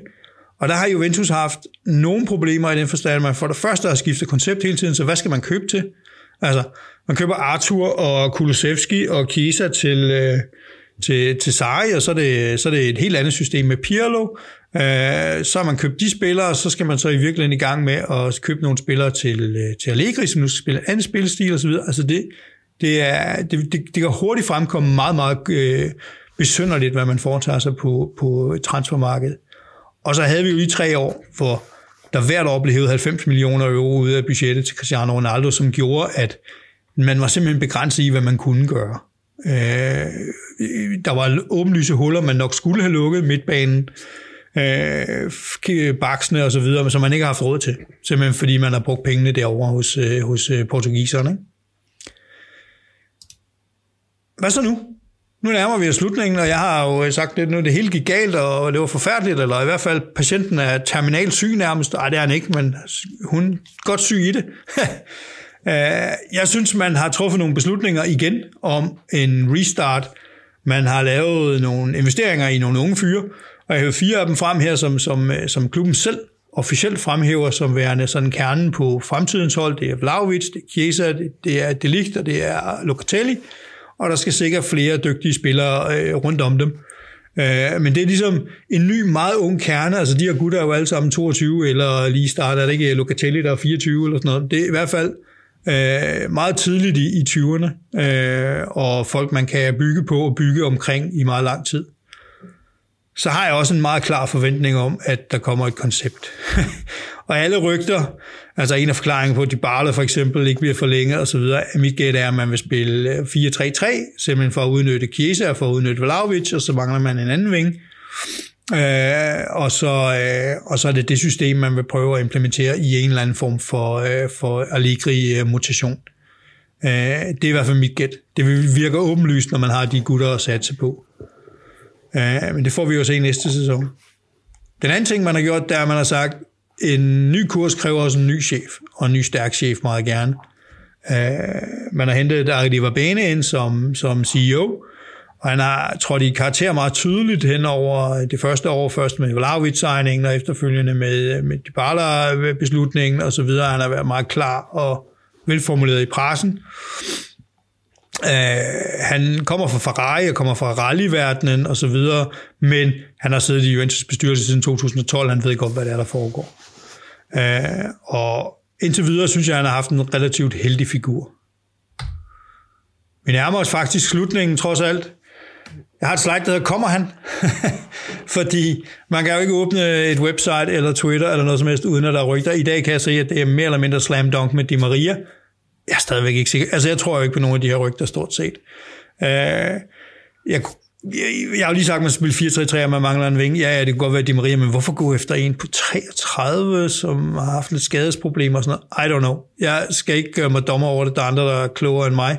Men jeg kan bare konstatere, at Juventus ligger alt for højt på sine lønudgifter.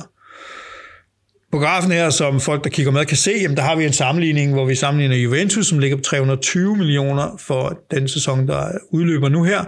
Øh, så er der et kæmpe hop på 110 millioner til Inter. Og så er det faktisk, som vi kan se, Milan helt ude i hjørnet derude, som, øh, som ligger på 145. Altså, Milan har en omkostning til afskrivninger og lønninger, som er under halvdelen af Juventus. Og det øh, er simpelthen ikke langtidsholdbart. Juventus tjener flere penge end dem, men det er simpelthen ikke langtidsholdbart. Og jeg har også, det har ikke været meldt klart ud, men jeg har en klar forventning om, at man skal ned. Det tal skal ned. Og måske skal det ned til 2,75, 2,70 eller noget i den stil. Altså en 15-17 procent ned. Øh, øh, det, det vil være det bare minimum. Fordi, som I kan huske, Thomas' fine gennemgang, 2024, så må du lave 20 millioner i underskud. Juventus sidste år lavede 210 der skal altså ske et eller andet. Noget af det kommer af sig selv med stadions, noget af det kommer med, at udsatte lønninger forsvinder osv. Kommer også en lille smule flere penge fra, fra Champions League og, og den slags ting og, og tv. Men det er altså ikke nok til at lukke gabet. Og hvis Juventus ikke kan komme ned på et niveau, hvor man ligger med maks 20 millioner euro i omsæt eller i underskud, jamen så øh, kan man ikke spille Champions League. Slut på det. Så øh, Der er også i år der er nogle ting, der kommer af sig selv. Øh, Chiellini har jo sagt farvel. Bernadeschi tror jeg ikke på, man forlænger med. Dybala har man sagt farvel til. Douglas Costa, ha, hvis nogen kan huske ham. Lang kontrakt. Man betaler 10 millioner euro for ham hver eneste år, og det udløber nu. Og så er der Ramsey. Æh, hvis det går godt med ham, og han siger farvel, det, så ender vi omkring 60 millioner, men han skal jo nok have nogle penge for det, så nok lidt mindre. Men der er 60 millioner i, i løn og afskrivninger, der forsvinder der. Og det vil jo bringe en meget, meget langt ned, men man skal jo også erstatte dem. Der skal jo nogen, man kan jo ikke leve uden forsvarsspillere eller angriber, så der skal et eller andet ind, og gerne midtbanespillere. Jeg har ikke gættet på, hvem der kommer ind. Det kan vi jo gøre til sommer en gang, hvor vi ved lidt mere, men som sagt, så, så har jeg ikke øh, meget tiltro til de mange rygter, der er øh, rundt omkring på rygtebørsen. Ulrik, skal vi... Øh... Vi skal lukke nu. Jeg har det sidste slide. Er vi tæt på? Det er en konklusion. Jeg havde lige... Jamen, det kan godt være, det jeg vil spørge om, det står der, så lad dig bare lige fyre den af hurtigt der. Okay. Jamen, jeg har lavet en konklusion, som i virkeligheden siger, at Juventus har alle ressourcerne. Vi ligger allerede langt foran Milan og, øh, og Inter. Øh, det store sats har slået fejl. Det må vi bare anerkende. Juventus har ikke øh, lykkes med Superligaen, vi har ikke lykkes med at lukke hullet op til, til den absolute elite. Man kommer til at være muligvis en dominerende figur i Italien, men man, og man kan også være, at man stikker næsen frem i Champions League, men man kommer ikke til at være øh, en af de sidste fire mange år i træk, fordi det løb er tabt, med mindre Super League kommer og redder øh, konceptet. Det må man bare sige sådan, det, det, det man prøvede, og man tabte. Men jeg er også meget sikker på, at i løbet af meget kort tid, så får man et koncept, man får bygget på med den kvalitet, man har, man har et meget mere realistisk mål i den forstand, at man skal genvinde sin dominerende position i Italien. Man skal vinde mesterskabet først og fremmest, meget gerne også øh, Supercup og pokal.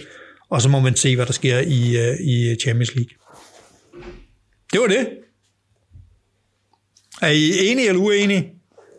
Jeg er eller mast? helt enig i, i din uh, konklusion. Jeg er ikke mast. Uh, det jeg uh, sidder og tænker på, det er, at alle ved jo, det er kun et spørgsmål om tid, inden I er der. Om det så er et år eller to år, der går, jamen det må, det må vi jo se. Men alle forudsætningerne for det, det er der i hvert fald lige en, øh, et spørgsmål, jeg havde på omsætningssiden. Er der nogle upsides, der ligger nu? Ronaldo, han er smuttet væk. Er der nogle sponsorpenge kommercielt, der kan falde bort i forhold til hans afgang her senere, eller bliver det status quo? Ja, altså heldigvis er nogle af dem lidt lange, og man har jo prøvet at lave det med, at man siger, at når vi tegner nogle aftaler i Cristiano Ronaldo-perioden, så skal de være lange, fordi ved godt, han forsvinder, og vores ambition er at løfte os til et nyt niveau. Der er ikke nogen kæmpe store, der forsvinder. Det er jo Adidas og, og Jeep, der trækker det helt store læs med, med 100 millioner. Øh, men man får nok lidt svært ved at finde de andre 100 millioner, som man gerne vil finde for at løfte, løfte hele konceptet. Jeep skal nok blive der. Det er jo, som I ved, en del af familievirksomheden, og et, et, et, et venligt opkald til John Elkan, så lykkes det nok. Øh, Adidas tror jeg også, de er i hvert fald bundet et stykke over i et par år i fremtiden, ikke? Yep. Nej, men jeg er også egentlig enig i din konklusion, og jeg synes faktisk, det der understreger det bedst på, at det godt kan hen og blive realitet, det er jo egentlig bare den indeværende sæson. Øh, Juventus starter jo røv elendigt, spiller elendig fodbold i år. Sorry to say. Men de kommer ind på en fjerdeplads. De skraber sig lige ind til det, de skal, og kommer ind på Champions League, det forjættede land, og dermed nogle indtægter der, ikke? Jeg, jeg har ikke set dem komme i Champions League, når man så dem i efteråret, men alligevel gør de, Og det, for mig siger det, det, det er noget af det, der er i den her klub. Den går aldrig helt ned. Altså, den kan godt være i elendighed et stykke tid, men den kommer igen, og den, den har et bundniveau, hvor den ikke synker nedenunder. Desværre, men... Øh, øh, ja, ja, desværre. Ja. Jeg tror, at... Øh, jeg tror, at... Øh, Altså, det, det man gjorde, man har også set det, hvis man kigger på for eksempel, hvad den, den sidste halvdel, 25 kampe af sæsonen eller sådan noget, så ligger vi jo head-to-head med, med Inter og Milan på pointhøst. Mm. Ikke på spille øh, stil, men på pointhøst.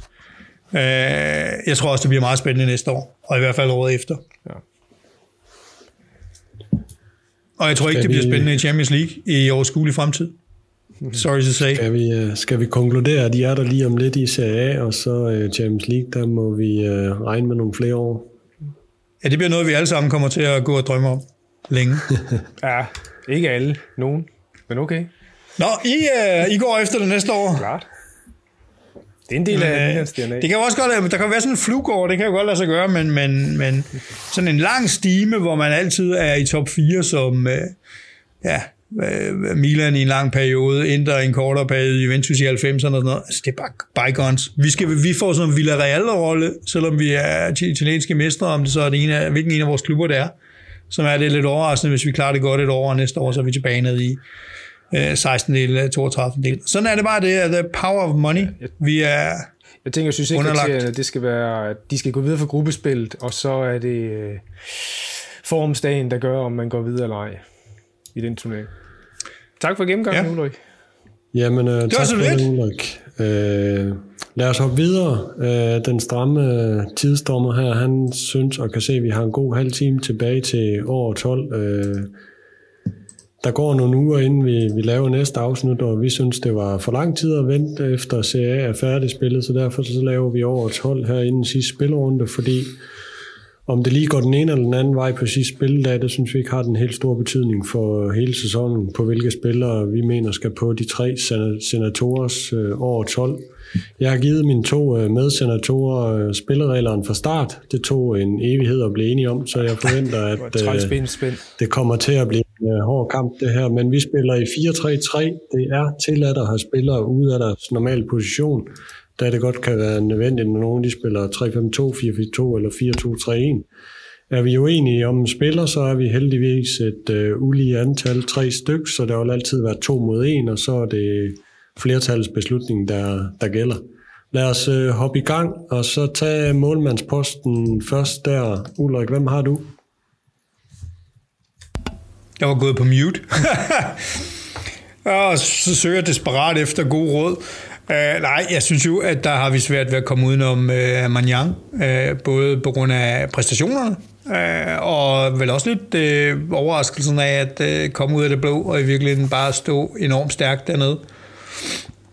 Jeg ved ikke, hvem vi lige ellers kunne se uh, skulle være, skulle være sådan standout målmand i Serie A. Uh, det er i hvert fald mit bud, og jeg har ikke noget uh, bud 2 skulle lige være Perin. Jamen, jeg synes, målmandsposten generelt set næsten er den svageste i serie kvalitetsmæssigt, øh, hvis du kigger på et øh, globalt plan. Øh, hvem er der? Øh, Ospina? Øh, Chesney? Øh, puh. Jeg synes godt nok, der er langt mellem snapsen. Jeg har også Manjang øh, flest clean sheets, højst redningsprocent, øh, utrolig afgørende redninger på afgørende tidspunkt og god til alt. Han er bare komplet. Øh, der kan jo ikke gå for lang tid, inden han slår Louisa på det franske landshold. Ja. Han er ekstremt øh, godt scoutet og godt kommet ind. Øh, og mm, altså, ja, det kan jo ikke blive Chesney, han kostede jo Juventus sæsonen i løbet af de første fem kampe, ikke? og han smed 8 point af ene mand, så, øh, så må ikke det, det, det, skal være nogen andre. Og Andanovic, nej, vel? Ikke rigtig vel. Nej. Jeg er jo overraskende øh, helt enig med jer. Lige sige, som, som, som min metodik for at gøre det her, det er, jeg har sådan set samlet karakterer ind, øh, både fra Sofascore og Husgård, og så Gazettans øh, karakter ind, for ligesom at kigge den. Og øh, når vi kommer længere hen, så, så er der egentlig flere, der er det. Men der er ingen, der er ingen, der kommer i nærheden af Mangyang, altså som sådan, som på målmandspladsen der. Han er, han reigner supreme, simpelthen på den del der.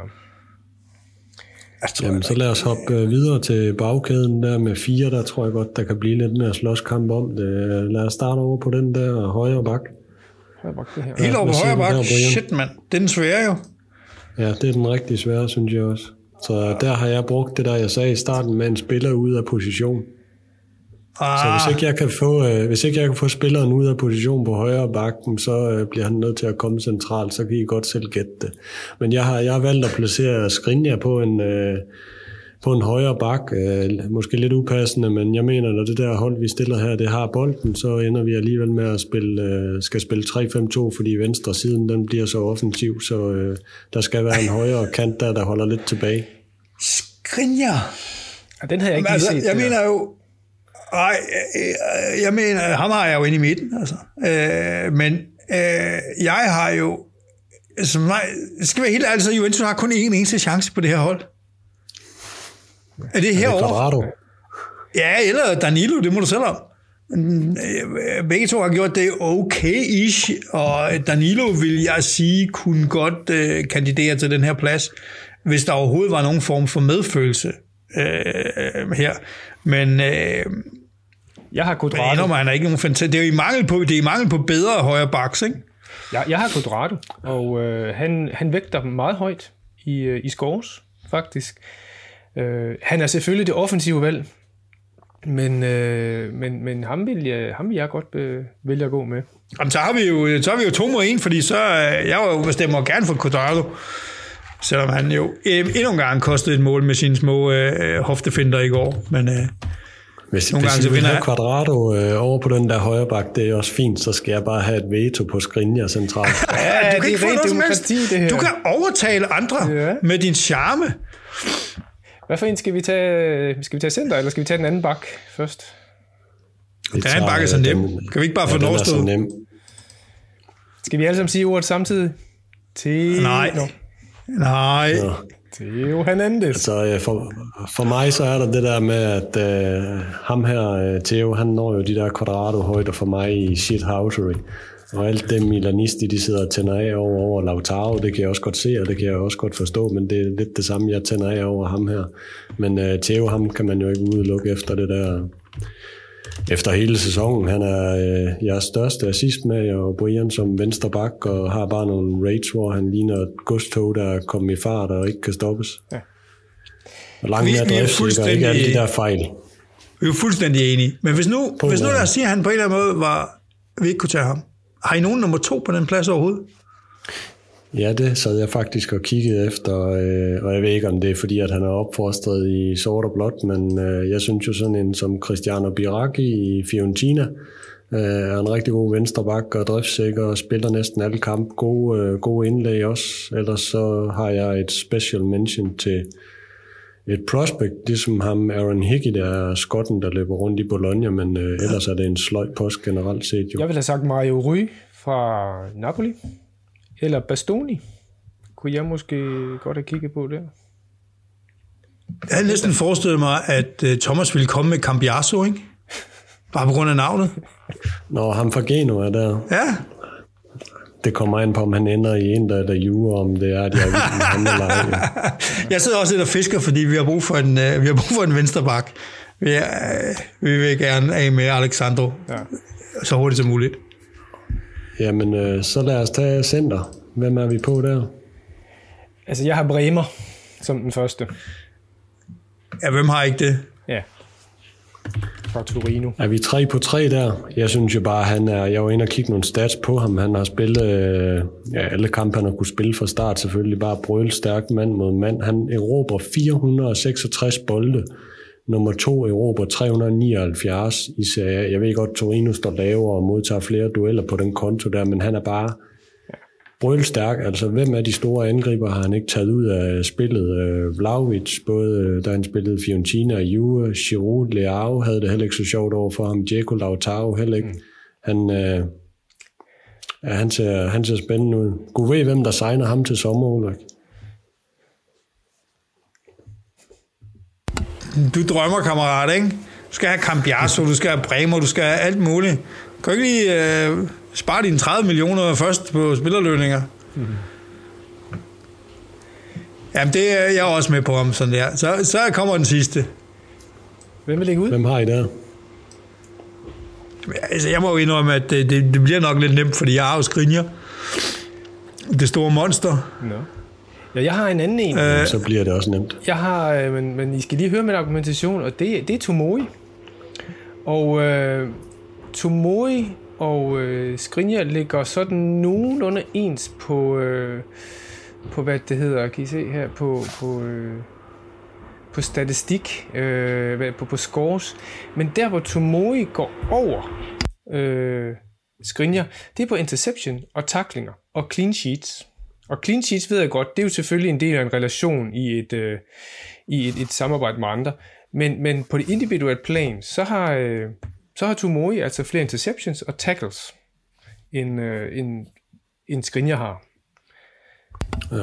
Jeg tror også bare, du vil se, at Tomori han står lidt lavere på banen, og hvor der er nogle dueller, hvor Skriniar mere øh, er lidt ude på siden og lidt højere op. Øh, men grunden til, at jeg vælger Skriniar, jeg havde jo lavet det der med at sætte Skriniar ud på den højre bak, for faktisk også at skabe plads til Tomori inde på midten. Fordi jeg synes, han er øh, et også til de penge, man har givet for ham, og fordi han er duelt stærk. Øh, han har måske ikke kostet nogle mål på lidt placeringsvanskeligheder, men han har været den mest stabile midterforsvar hos, hos Milan. Øh, jeg kan ikke rigtig forstå, hvordan man kan løbe rundt med Maguire på det der engelske landshold, når man har sådan en dernede. Det. Men, øh, det, det er sådan en helt anden snak, vi kan få to timer til at gå med os. Men, Men det vil jo øh, sige, at vi har en i en situation, hvor vi enten kan, kan stemme den igennem og sige Skriniar her, eller også kan vi lade os overtale, at Thomas, eller I kan lave en alliance, kan I? Så får I Tomori ind og Skriniar ud som højre bak. Jeg ved ikke, om det nødvendigvis er et dårligere hold end med Quadrado. Jamen, den kan jeg godt købe så. Så ud med Quadrado. Jeg synes, øh, jeg synes Tomori vil være en, øh, et problem ikke at have på det hold, ikke? Quadrado, han, Quadrado, han kan tage det. Det er også lidt vanvittigt, Ulrik, hvis du skulle komme op på tre spillere, altså både Quadrado og så Di Chilio og så Bernardeschi derovre. Jeg ved ja, ikke, hvor du har Di Chilio ind, men uh, ja. Di Chilio, han skal jo spille register. Skal så vi tage så vi jo, registeren? Hvem tager vi der? Ulrik, hvem Alexandro, han spillede jo på midtbanen i går i det meste af anden halvleg for at dæmme op for Milinkovic Savic. Det gik så ikke så godt lige til sidst. Ja, er der, er der, er der andre? Ja, jeg vil øh, godt øh, smide Pellegrini for Roma ind på den der. Han ligger højt stats. Han, er, han, er en, han er en mere offensivt minded end defensivt minded, men han, han har et stort arbejdsfelt og øh, har gode stats. Han har ikke så mange kampe som konkurrenter på ham. Han, jeg mener, han har 26 kampe, hvor de andre er på, på 30 deromkring. Men øh, jeg synes, han kunne være frisk der. Ja, jeg har slet ikke Pellegrini i spil til den position der. Jeg har ham ude på en af de to øh, Messala-positioner der, fordi Romas hold, der synes jeg ikke, han ligger dernede og spilstyrer. Han ligger mere op. Faktisk mange gange har han spillet med, øh, hvad hedder han, Saniolo, øh, og øh, Pellegrini sådan lidt bag øh, Abraham i en slags øh, ja, den, den, vil jeg så, den vil jeg så godt anfægte, for den troede jeg også, men når du kigger på hans heatmap, så ligger den sådan ret spredt, øh, plus minus 10 øh, meter fra midtercirklen op og ned, sådan med, med, med, med skatters rundt omkring. For jeg troede nemlig også, at han havde en hældning, sådan lidt til siden, men øh, han, han, han er meget centreret derinde på der. Hvem har du, Ulrik, inde på den øh, defensive? Jeg kan slet ikke komme i tanker med andre til den der, når den opstilling er på den måde, og det er en registreret Brusovic, øh, er mit, øh, mit sådan, uh, default get, men jeg har også jeg har jo altid sagt, at jeg pisse ringe til det her.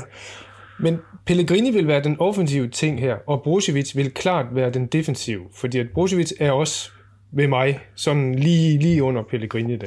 Men øh, jeg kan leve med begge. Så skal du have, skal du have nogle andre. De skal det, Masala er jo sikre meget mere og sådan noget, ikke? Så sådan nærmest uh, inventing the uh, pyramid, uh, Jonathan Wilson style. Yeah. Uh, jeg mener, Thomas, som mindre du har fundet på noget andet end Brozovic. Men jeg kan, ikke, jeg kan ikke finde på andet der. Altså, jeg ved bare, en, der har spillet tre kampe, hvor han ikke har været med der, men smidt syv point. Øh, og ellers så ligger han i top øh, på alt for mig. Han løber mest af alle. Han ligger i top på boldfordeling. Øh, og jeg synes bare, en, der har været det hold, der har skabt flere chancer, og det er ham, der er hjernen bag alt, hvad der starter på det hold. Øh, det, det er en, der er, og en, der B, som jeg før har sagt, øh, om han er med eller ej. Så jeg har faktisk alternativ på positionen. Jeg har en Fabian Ruiz, som jeg synes er rigtig god på bolden mm. for Napoli, og så har jeg et lille shootout til uh, Lucas Torreira i Fiorentina, har spillet mange kampe for dem, og også ligger på den position der, og sådan en, en, uh, en mange måske ikke ser så meget til, men de gange jeg har set ham i hvert fald, Maxim Lopez, franskmanden for Sassuolo, spiller næsten hver kamp, uh, og også en god lille spilstyre. Jeg har selvfølgelig også Tonali på den, men altså Tonali i år er ikke helt på Brozovic niveau eller øh, på det der. Der, der har jeg lavet Der er også andre pladser på midtbanen. Ja. ja.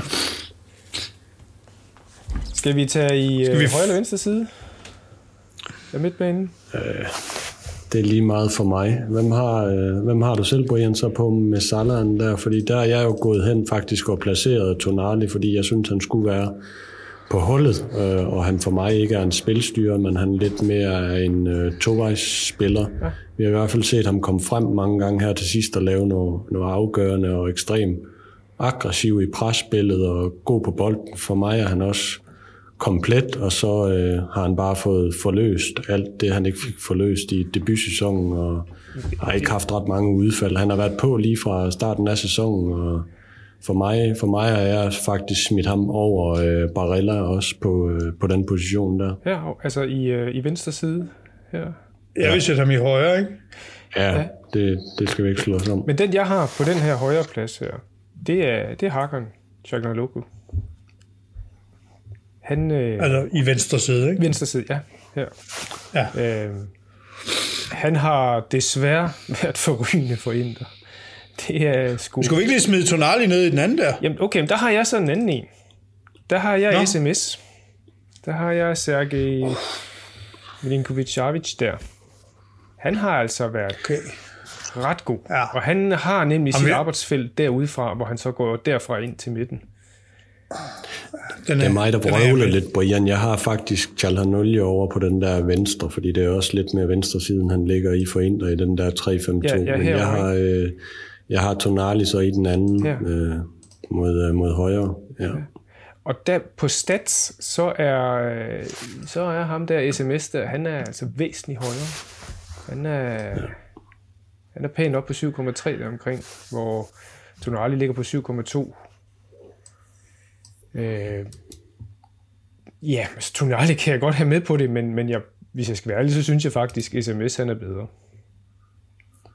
Han også... Øh... Altså jeg sad, jeg sad for min del og voterede imellem øh, Chalhanolio eller øh, Milinkovic Savic, øh, og de er stort set en på mange stats i forhold til øh, assist og øh, mål også. Det kan godt være, at Chalhanolio har lidt flere på, øh, på straffer og sådan noget. Mm. Øh, men jeg synes bare, at hans bundniveau har været rigtig godt, øh, og det er derfor, jeg vælger ham frem for Milinkovic Savic, fordi jeg synes stadigvæk, at han har nogle udfald. Nu er jeg godt øh, korttidsudkommelse og alt det der, han scorer i går, øh, og det vil jeg vælge at se lidt bort fra. Det er ikke sådan noget overhovedet, der skal afgøre det, fordi jeg synes nemt, han går ind og forsvinder i nogle kampe. Bare se kampen mod, mod Milan, der laver en god assist til Immobile, og så fader han bare langsomt ud. Og jeg synes især, det er defensivt, at han... Øh, at han bliver spillet lidt rundt omkring, og han kan lave nogle fine små ting, og, og øh, i, trods hans højde kan han lave nogle teknisk helt vildt fremragende ting, men jeg synes bare stadig, han har, han har udfald. Han har, han har alt, eller ikke altid, men mange gange udfald mod store klubber. Hvor jeg synes, ja, præcis mod store klubber. Ja, der, der ved jeg ikke, om hans niveau kommer til kort der, eller, eller hvad det er det med det, men, men han kan jo også være helt forrygende, øh, og simpelthen dominere en kamp og vinde kampen for Lazio. Øhm. Jeg kan leve med Tonali. Hvordan har du det, Ulrik? Hvordan har du det, Ulrik? Heller til Tonali og Milinkovic Savic, bare fordi jeg kan bedre lide Milinkovic Savic, end jeg kan lide uh, Hakan. Uh, det er sofistikeret graden af min analyse. Øh, det skal man også gøre plads til. ja, jeg synes bare, han er sergeanten der, han er en helt fantastisk fodboldspiller. Han er også, øh, altså, kan også slå nogle fantastiske afleveringer og sådan noget, altså, og, og et monster inde på den midtbane. Han, ham, ham så jeg gerne på vores hold, og der skal vel også være plads til, til folk. Nu er vi, ja, Ser I ham øh, hernede i højre side så også? Ja, skal være højre side, så Tonali, han kan spille. Han er så ung, han kan spille over i den anden. Med mindre, at Hakan skal slå ham af. Det bliver en meget, øh, hvad kan vi sige, det er fire mand i spil der, og det er ham der er reserve, det er et meget stærkt mandat til også lige så godt at kunne være starter. Jeg kan godt leve med Tonali der, hvis I, I, I på det. Ja, ja. så lad os nappe ham. Må jeg så lige øh, starte med den, som øh, er lige foran ham, altså i øh, venstre wing her. Ja. Der vil jeg øh, der blev jeg lidt overrasket, da jeg egentlig kom frem til min analyse. Der vil jeg egentlig gerne have Luis Muriel ud. What? Ja, og øh, det er igen de her sådan, heatmap, for jeg har jo egentlig set ham som angriber og kørt ind. Han har også super stats, og han har gode, øh, han har lavet øh, assists, og han har lavet mål. Men hans arbejdsområde er netop i hele det her venstre side. Og det synes jeg også, øh, man så lidt af i, i kampen mod Milan i søndags, at han kommer fra venstre side ind, og så som regel afleverer eller afslutter selv. Så øh, jeg, jeg vil smide ham ind som sådan lidt en, øh, en joker der. Men det er da noget af en joker, fordi der er to andre, som står og banker lidt Ja. på døren, ikke? Det, øh, og det er utroligt, at lige var mig, skulle gøre det, når jeg har en anden en, som også gerne vil frem der, ikke? Men øh, vi skal have Ja. lidt at snakke om. Ja, Det er selvfølgelig rigtigt. Altså, jeg havde jo egentlig uh, Perisic, uh, bare fordi han uh, har været god hele sæsonen, og, og, og, og domineret den der ud og noget af en assistmager, og øh, jeg synes, han har været mere stabil end Leao. Det er sådan ligesom den diskussion, vi havde lige før, hvor Leao topniveauet er, er enestående indimellem, og det har været godt de sidste kampe her, hvilket jo i sig selv er fantastisk. Men der er også stadigvæk kampe, hvor Leao lidt står og glaner, ikke? Der synes jeg, Perisic var mere stabil. Men i den sammenhæng, så vil jeg sige, Leao er jo den, så vidt jeg ved, den tredje bedste dribler, succesfulde dribler i Europa. Øh, det synes jeg jo skal være plads til i en, i en liga, som i Italien jo.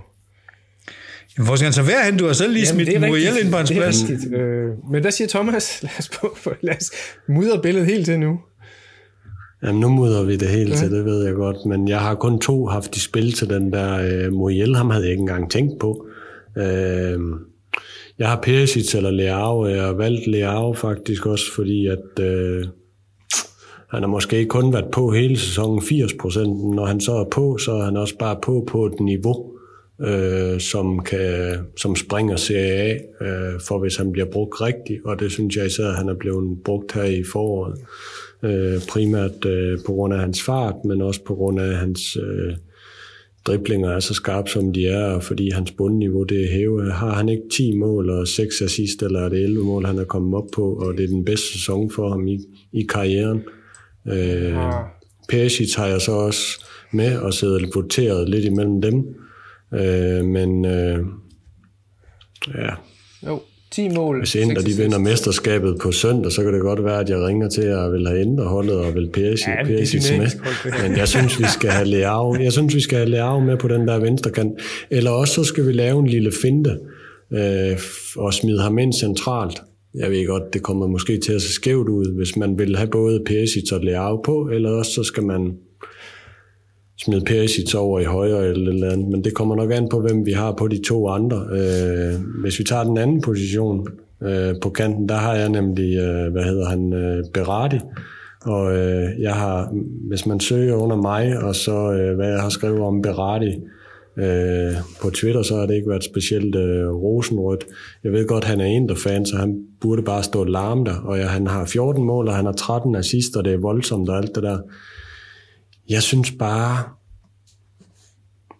Jeg ved ikke, hvad det er, jeg ikke øh, rigtig kan med ham Berardi der. Jeg synes, det, øh, Jeg, jeg kan godt følge dig lige. det er bare ikke op at ringe for mig, men jeg kan faktisk ikke forklare. Jeg tror, han er sådan en, der har det godt som en stor fisk i et lille farvand dernede i Sassuolo, og ikke som det omvendte. Og jeg tror, hvis han kom til en stor klub, så tror jeg faktisk, at han vil ja, fade lidt igennem. Og jeg ved ikke helt, hvor god han er, hvis han kommer i en klub med stort pres, og hvor han møder hold, der stiller sig dybt øh, ned. Det er der, jeg synes, hans mangler de er, fordi den der fart kan han egentlig kun bruge, når han har plads. Ja. Vi har jo set ham øh, et par gange med Mancini og landsholdet, som har foretrukket ham derude på den højre side. Ikke? Og det synes jeg, det har været øh, lidt mindre overvældende, end når han har spillet for Sassuolo og ofte får øh, meget frie tøjler og er den store kaptajn og så videre. Men jeg har ham også på højre kanten, for jeg kan ikke se, hvem det ellers skulle være. Jeg synes også, det, det er jo, skal være Quadrado, kommer og laver et comeback, men nej, ikke rigtigt, vel? men det er jo også en outstanding sæson, han har haft pt. Øh, med den der. Men, men jeg kan sagtens, jeg kan sagtens følge de der overvejelser, du, du har, Thomas, fordi at, øh, jeg, jeg tror også, han vil hellere være en stor fisk i en lille spand, end en, øh, en lille fisk i en, en, et andet sted. Det, øh, jeg, jeg, jeg har også svært ved at se, hvor han egentlig, hvor, om hans talent ikke har nogle begrænsninger. Men bare i år har han jo i hvert fald fået det så ud. Jeg har, jeg har et problem, som er, at jeg skal simpelthen gå nu. Øh, men jeg vil gerne sige, hvem jeg synes, der skulle på de to sidste pladser, og så er I snakken færdig. Fint. Fordi så stemmer I sikkert hen over mig. Jeg synes jo, at man skulle bare være the popular choice. Jeg vil tage uh, Perisic på kanten og Leao centralt. Så altså, Okay. Øh, og Immobile, Immobile og så videre, men jeg har jo aldrig været glad for ham. Øh, altså, det er også øh, personligt... Øh, men øh, det vil jeg sige var et øh, helt enestående godt hold. Men som sagt, vi det har sige, været... det du, det du konkluderer, Ulrik, det er, at øh, Perisic vil altid vægte over Immobile for dig. Og det, det blev meget kategorisk med den indre mand der. Det, det var Leverau, jeg skulle have plads til, ikke? Så det var det. Ja, ham kan jeg leve med, ikke? Øh, nej, jeg synes jo, jeg, jeg, jeg synes jo Perisic er en gudsbenået fodboldspiller, og øh, jeg håber da, han øh, lader sig lokke af nogle Saudi-dollars eller et eller andet. Øh, og så øh, det er jo er svært at komme udenom, ikke? Øh, og, og jeg ved godt, at Immobile, han laver bare mål og mål og mål og mål og mål Kom i ud Lazio. om 27 mål. Jeg kan fandme nemt komme udenom. Men sådan er jeg jo. Øh, Jeg har også Immobile på, og det er udelukkelsesmetoden, jeg har gjort det på alle sammen. Jeg har taget alle de seks, øh, der laver flest mål, og så har jeg udelukket dem en efter en, og så står Immobile tilbage, fordi jeg synes... Øh, Det er fordi, du er så biased. Øh, Men ja, Abraham i øh, Roma, han brænder for meget. Øh, Giovanni Simeone, ej, ikke rigtigt. Lautaro, han havde lige en øh, rigtig mange kampe hen over vinter, hvor han valgte at tjekke ud. Øh, og så, øh, hvem har vi så mere tilbage deroppe af? Så har vi vel Immobile og, og Vlaovic. Vlaovic på, øh, på den for- gode første halvsæson. Men, men Immobile, det er jo hvad, bare tredje eller fjerde sæson, han gør det her. Det er også i orden. Det, Det er også i orden. I Jeg har lige fået øh, besked nu her, at øh, det er enten at fuldføre det her med jer, eller en øh, pinefuld skilsmisse. Øh, så er det valgt jo vælger klart. så... så jeg vælger at tjekke ud, men I fortsætter bare at køre den hjem, og så, øh, øh, så øh, stoler jeg på det hold, og ellers så kritiserer jeg det benhårdt på Twitter. det er bare i orden. Det er godt, vi ses ved. Tak for i dag, Ole. Hej. Hej. Jamen altså, Jamen, jeg, øh, så er der Milano tilbage. Brian, hvad, hvad gør vi ude på den der kant? Jeg kan Jamen, fint jeg- le- leve med Leao, smide ham på. Ja. Det er næsten forbudt ikke at have ham på. Øh, 85% chance for, at I bliver mestre, så, øh, så, skal han, øh, så skal han være på. så det er holdet. Det er, Det, det bliver... det er rimelig heavy. Skal vi sige det, at vi, øh, vi lægger øh, senatorernes årets hold ud på Twitter og Facebook, og så er folk velkomne til at kommentere på det. Hvad er helt i hegne? Hvem har vi glemt, og hvad fungerer på det her hold? Øh, det jeg egentlig lige havde noteret, jeg godt lige vil sige her til sidst, det er, at jeg kommer også lige til at smide mit eget hold op. Øh, og så øh, har jeg nævnt ham før i vores podcast, men ham er den gode Tom på Twitter, som jeg før har refereret til. Han kommer jo til at afsløre sin identitet, hvis Milan de bliver mestre, han lå. Nå. Og der er faktisk sket det, at Tom han bød på årets hold her i weekenden, og han ramte 10 ud af de 11 spillere, jeg også har på mit årets hold. Så jeg tror ikke, Tom og mig har været så enige om noget de sidste øh, fem års tid. Øh, Men jeg stiller altså mit hold, inden Tom han stillede sit, så han kan ikke komme og sige, at jeg har kigget ham over skulderen i hvert fald. Nej. Skal vi have et års træner også? Det, det kan vi godt. Jeg har valgt ikke at tage træner med, fordi det vil ende med, at det vil være os to, der vil komme, uh, komme til at sidde og mundhugges om det, og jeg øh, synes lige, man skulle vente på, hvem der vinder det der Serie A. Okay. Jamen, det kan jo være en lille cliffhanger Fordi der. øh, hvis Milan vinder, er jeg helt enig i, at Pioli han skal være på det hold der i forhold til hans forudsætninger, i forhold til hans mandskab, i forhold til hvor mange skader Milan har haft. Øh, så kan man ikke komme udenom ham, og han er vist øh, point per kamp helt op i forhold til nogle trænere, som... Det er kun Capello, skal vi tilbage har, til? der har mere.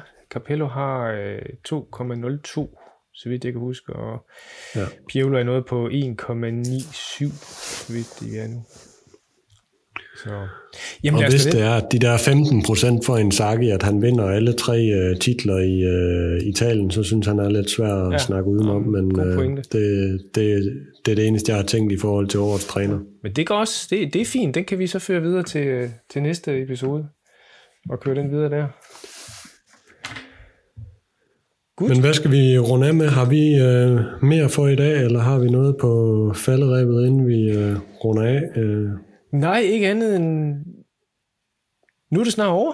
Nu, øh, nu er der snart kun 90 minutter tilbage, og øh, så er der gået sådan en, en sæson mere, og øh, jeg vil sige lige meget, hvem der vinder, om det er Inter eller det er Milan, så synes jeg, det har været en pissespændende sæson. Jeg vil, jeg vil blive hammerende skuffet, hvis Milan ikke vinder.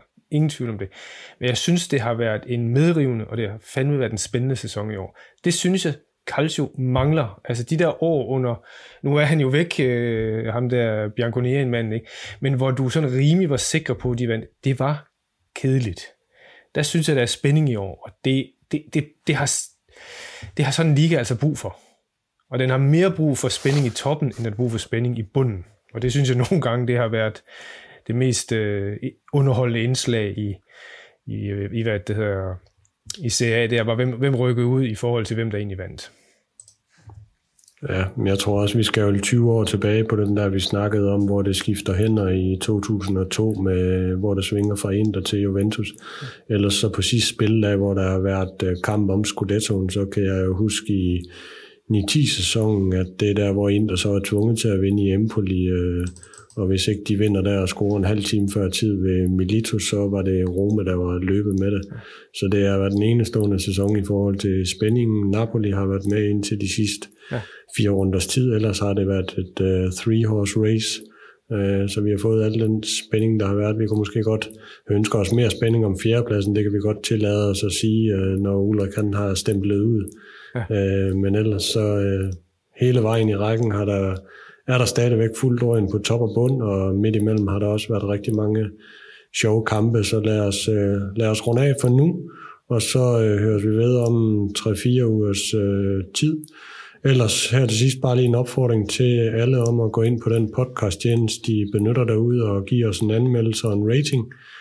Ellers er vi jo efterhånden alle steder. Udover Twitter er vi på Facebook og faktisk også Instagram nu her, så følg os derinde. Også på de kanaler, der er altid plads til flere, men vi vender tilbage lidt ind i juni måned, hvor vi også har nogle spændende ting i ærmet, ud over en sæsonafslutning. Så lad os lukke ned for i dag og sige tak og på genhør og gensyn. Ja. Tak for den gang. Tak for i dag. Du har lyttet til de tre senatorer, og tak for det. Vi bliver kun bedre, hvis I fortæller os, hvordan. Ris, ros og forslag er meget velkommen. Du kan finde de tre senatorer på både Twitter og Facebook, eller du kan skrive en mail på de tre senatorer gmail.com. Vi høres ved. Forza Calcio.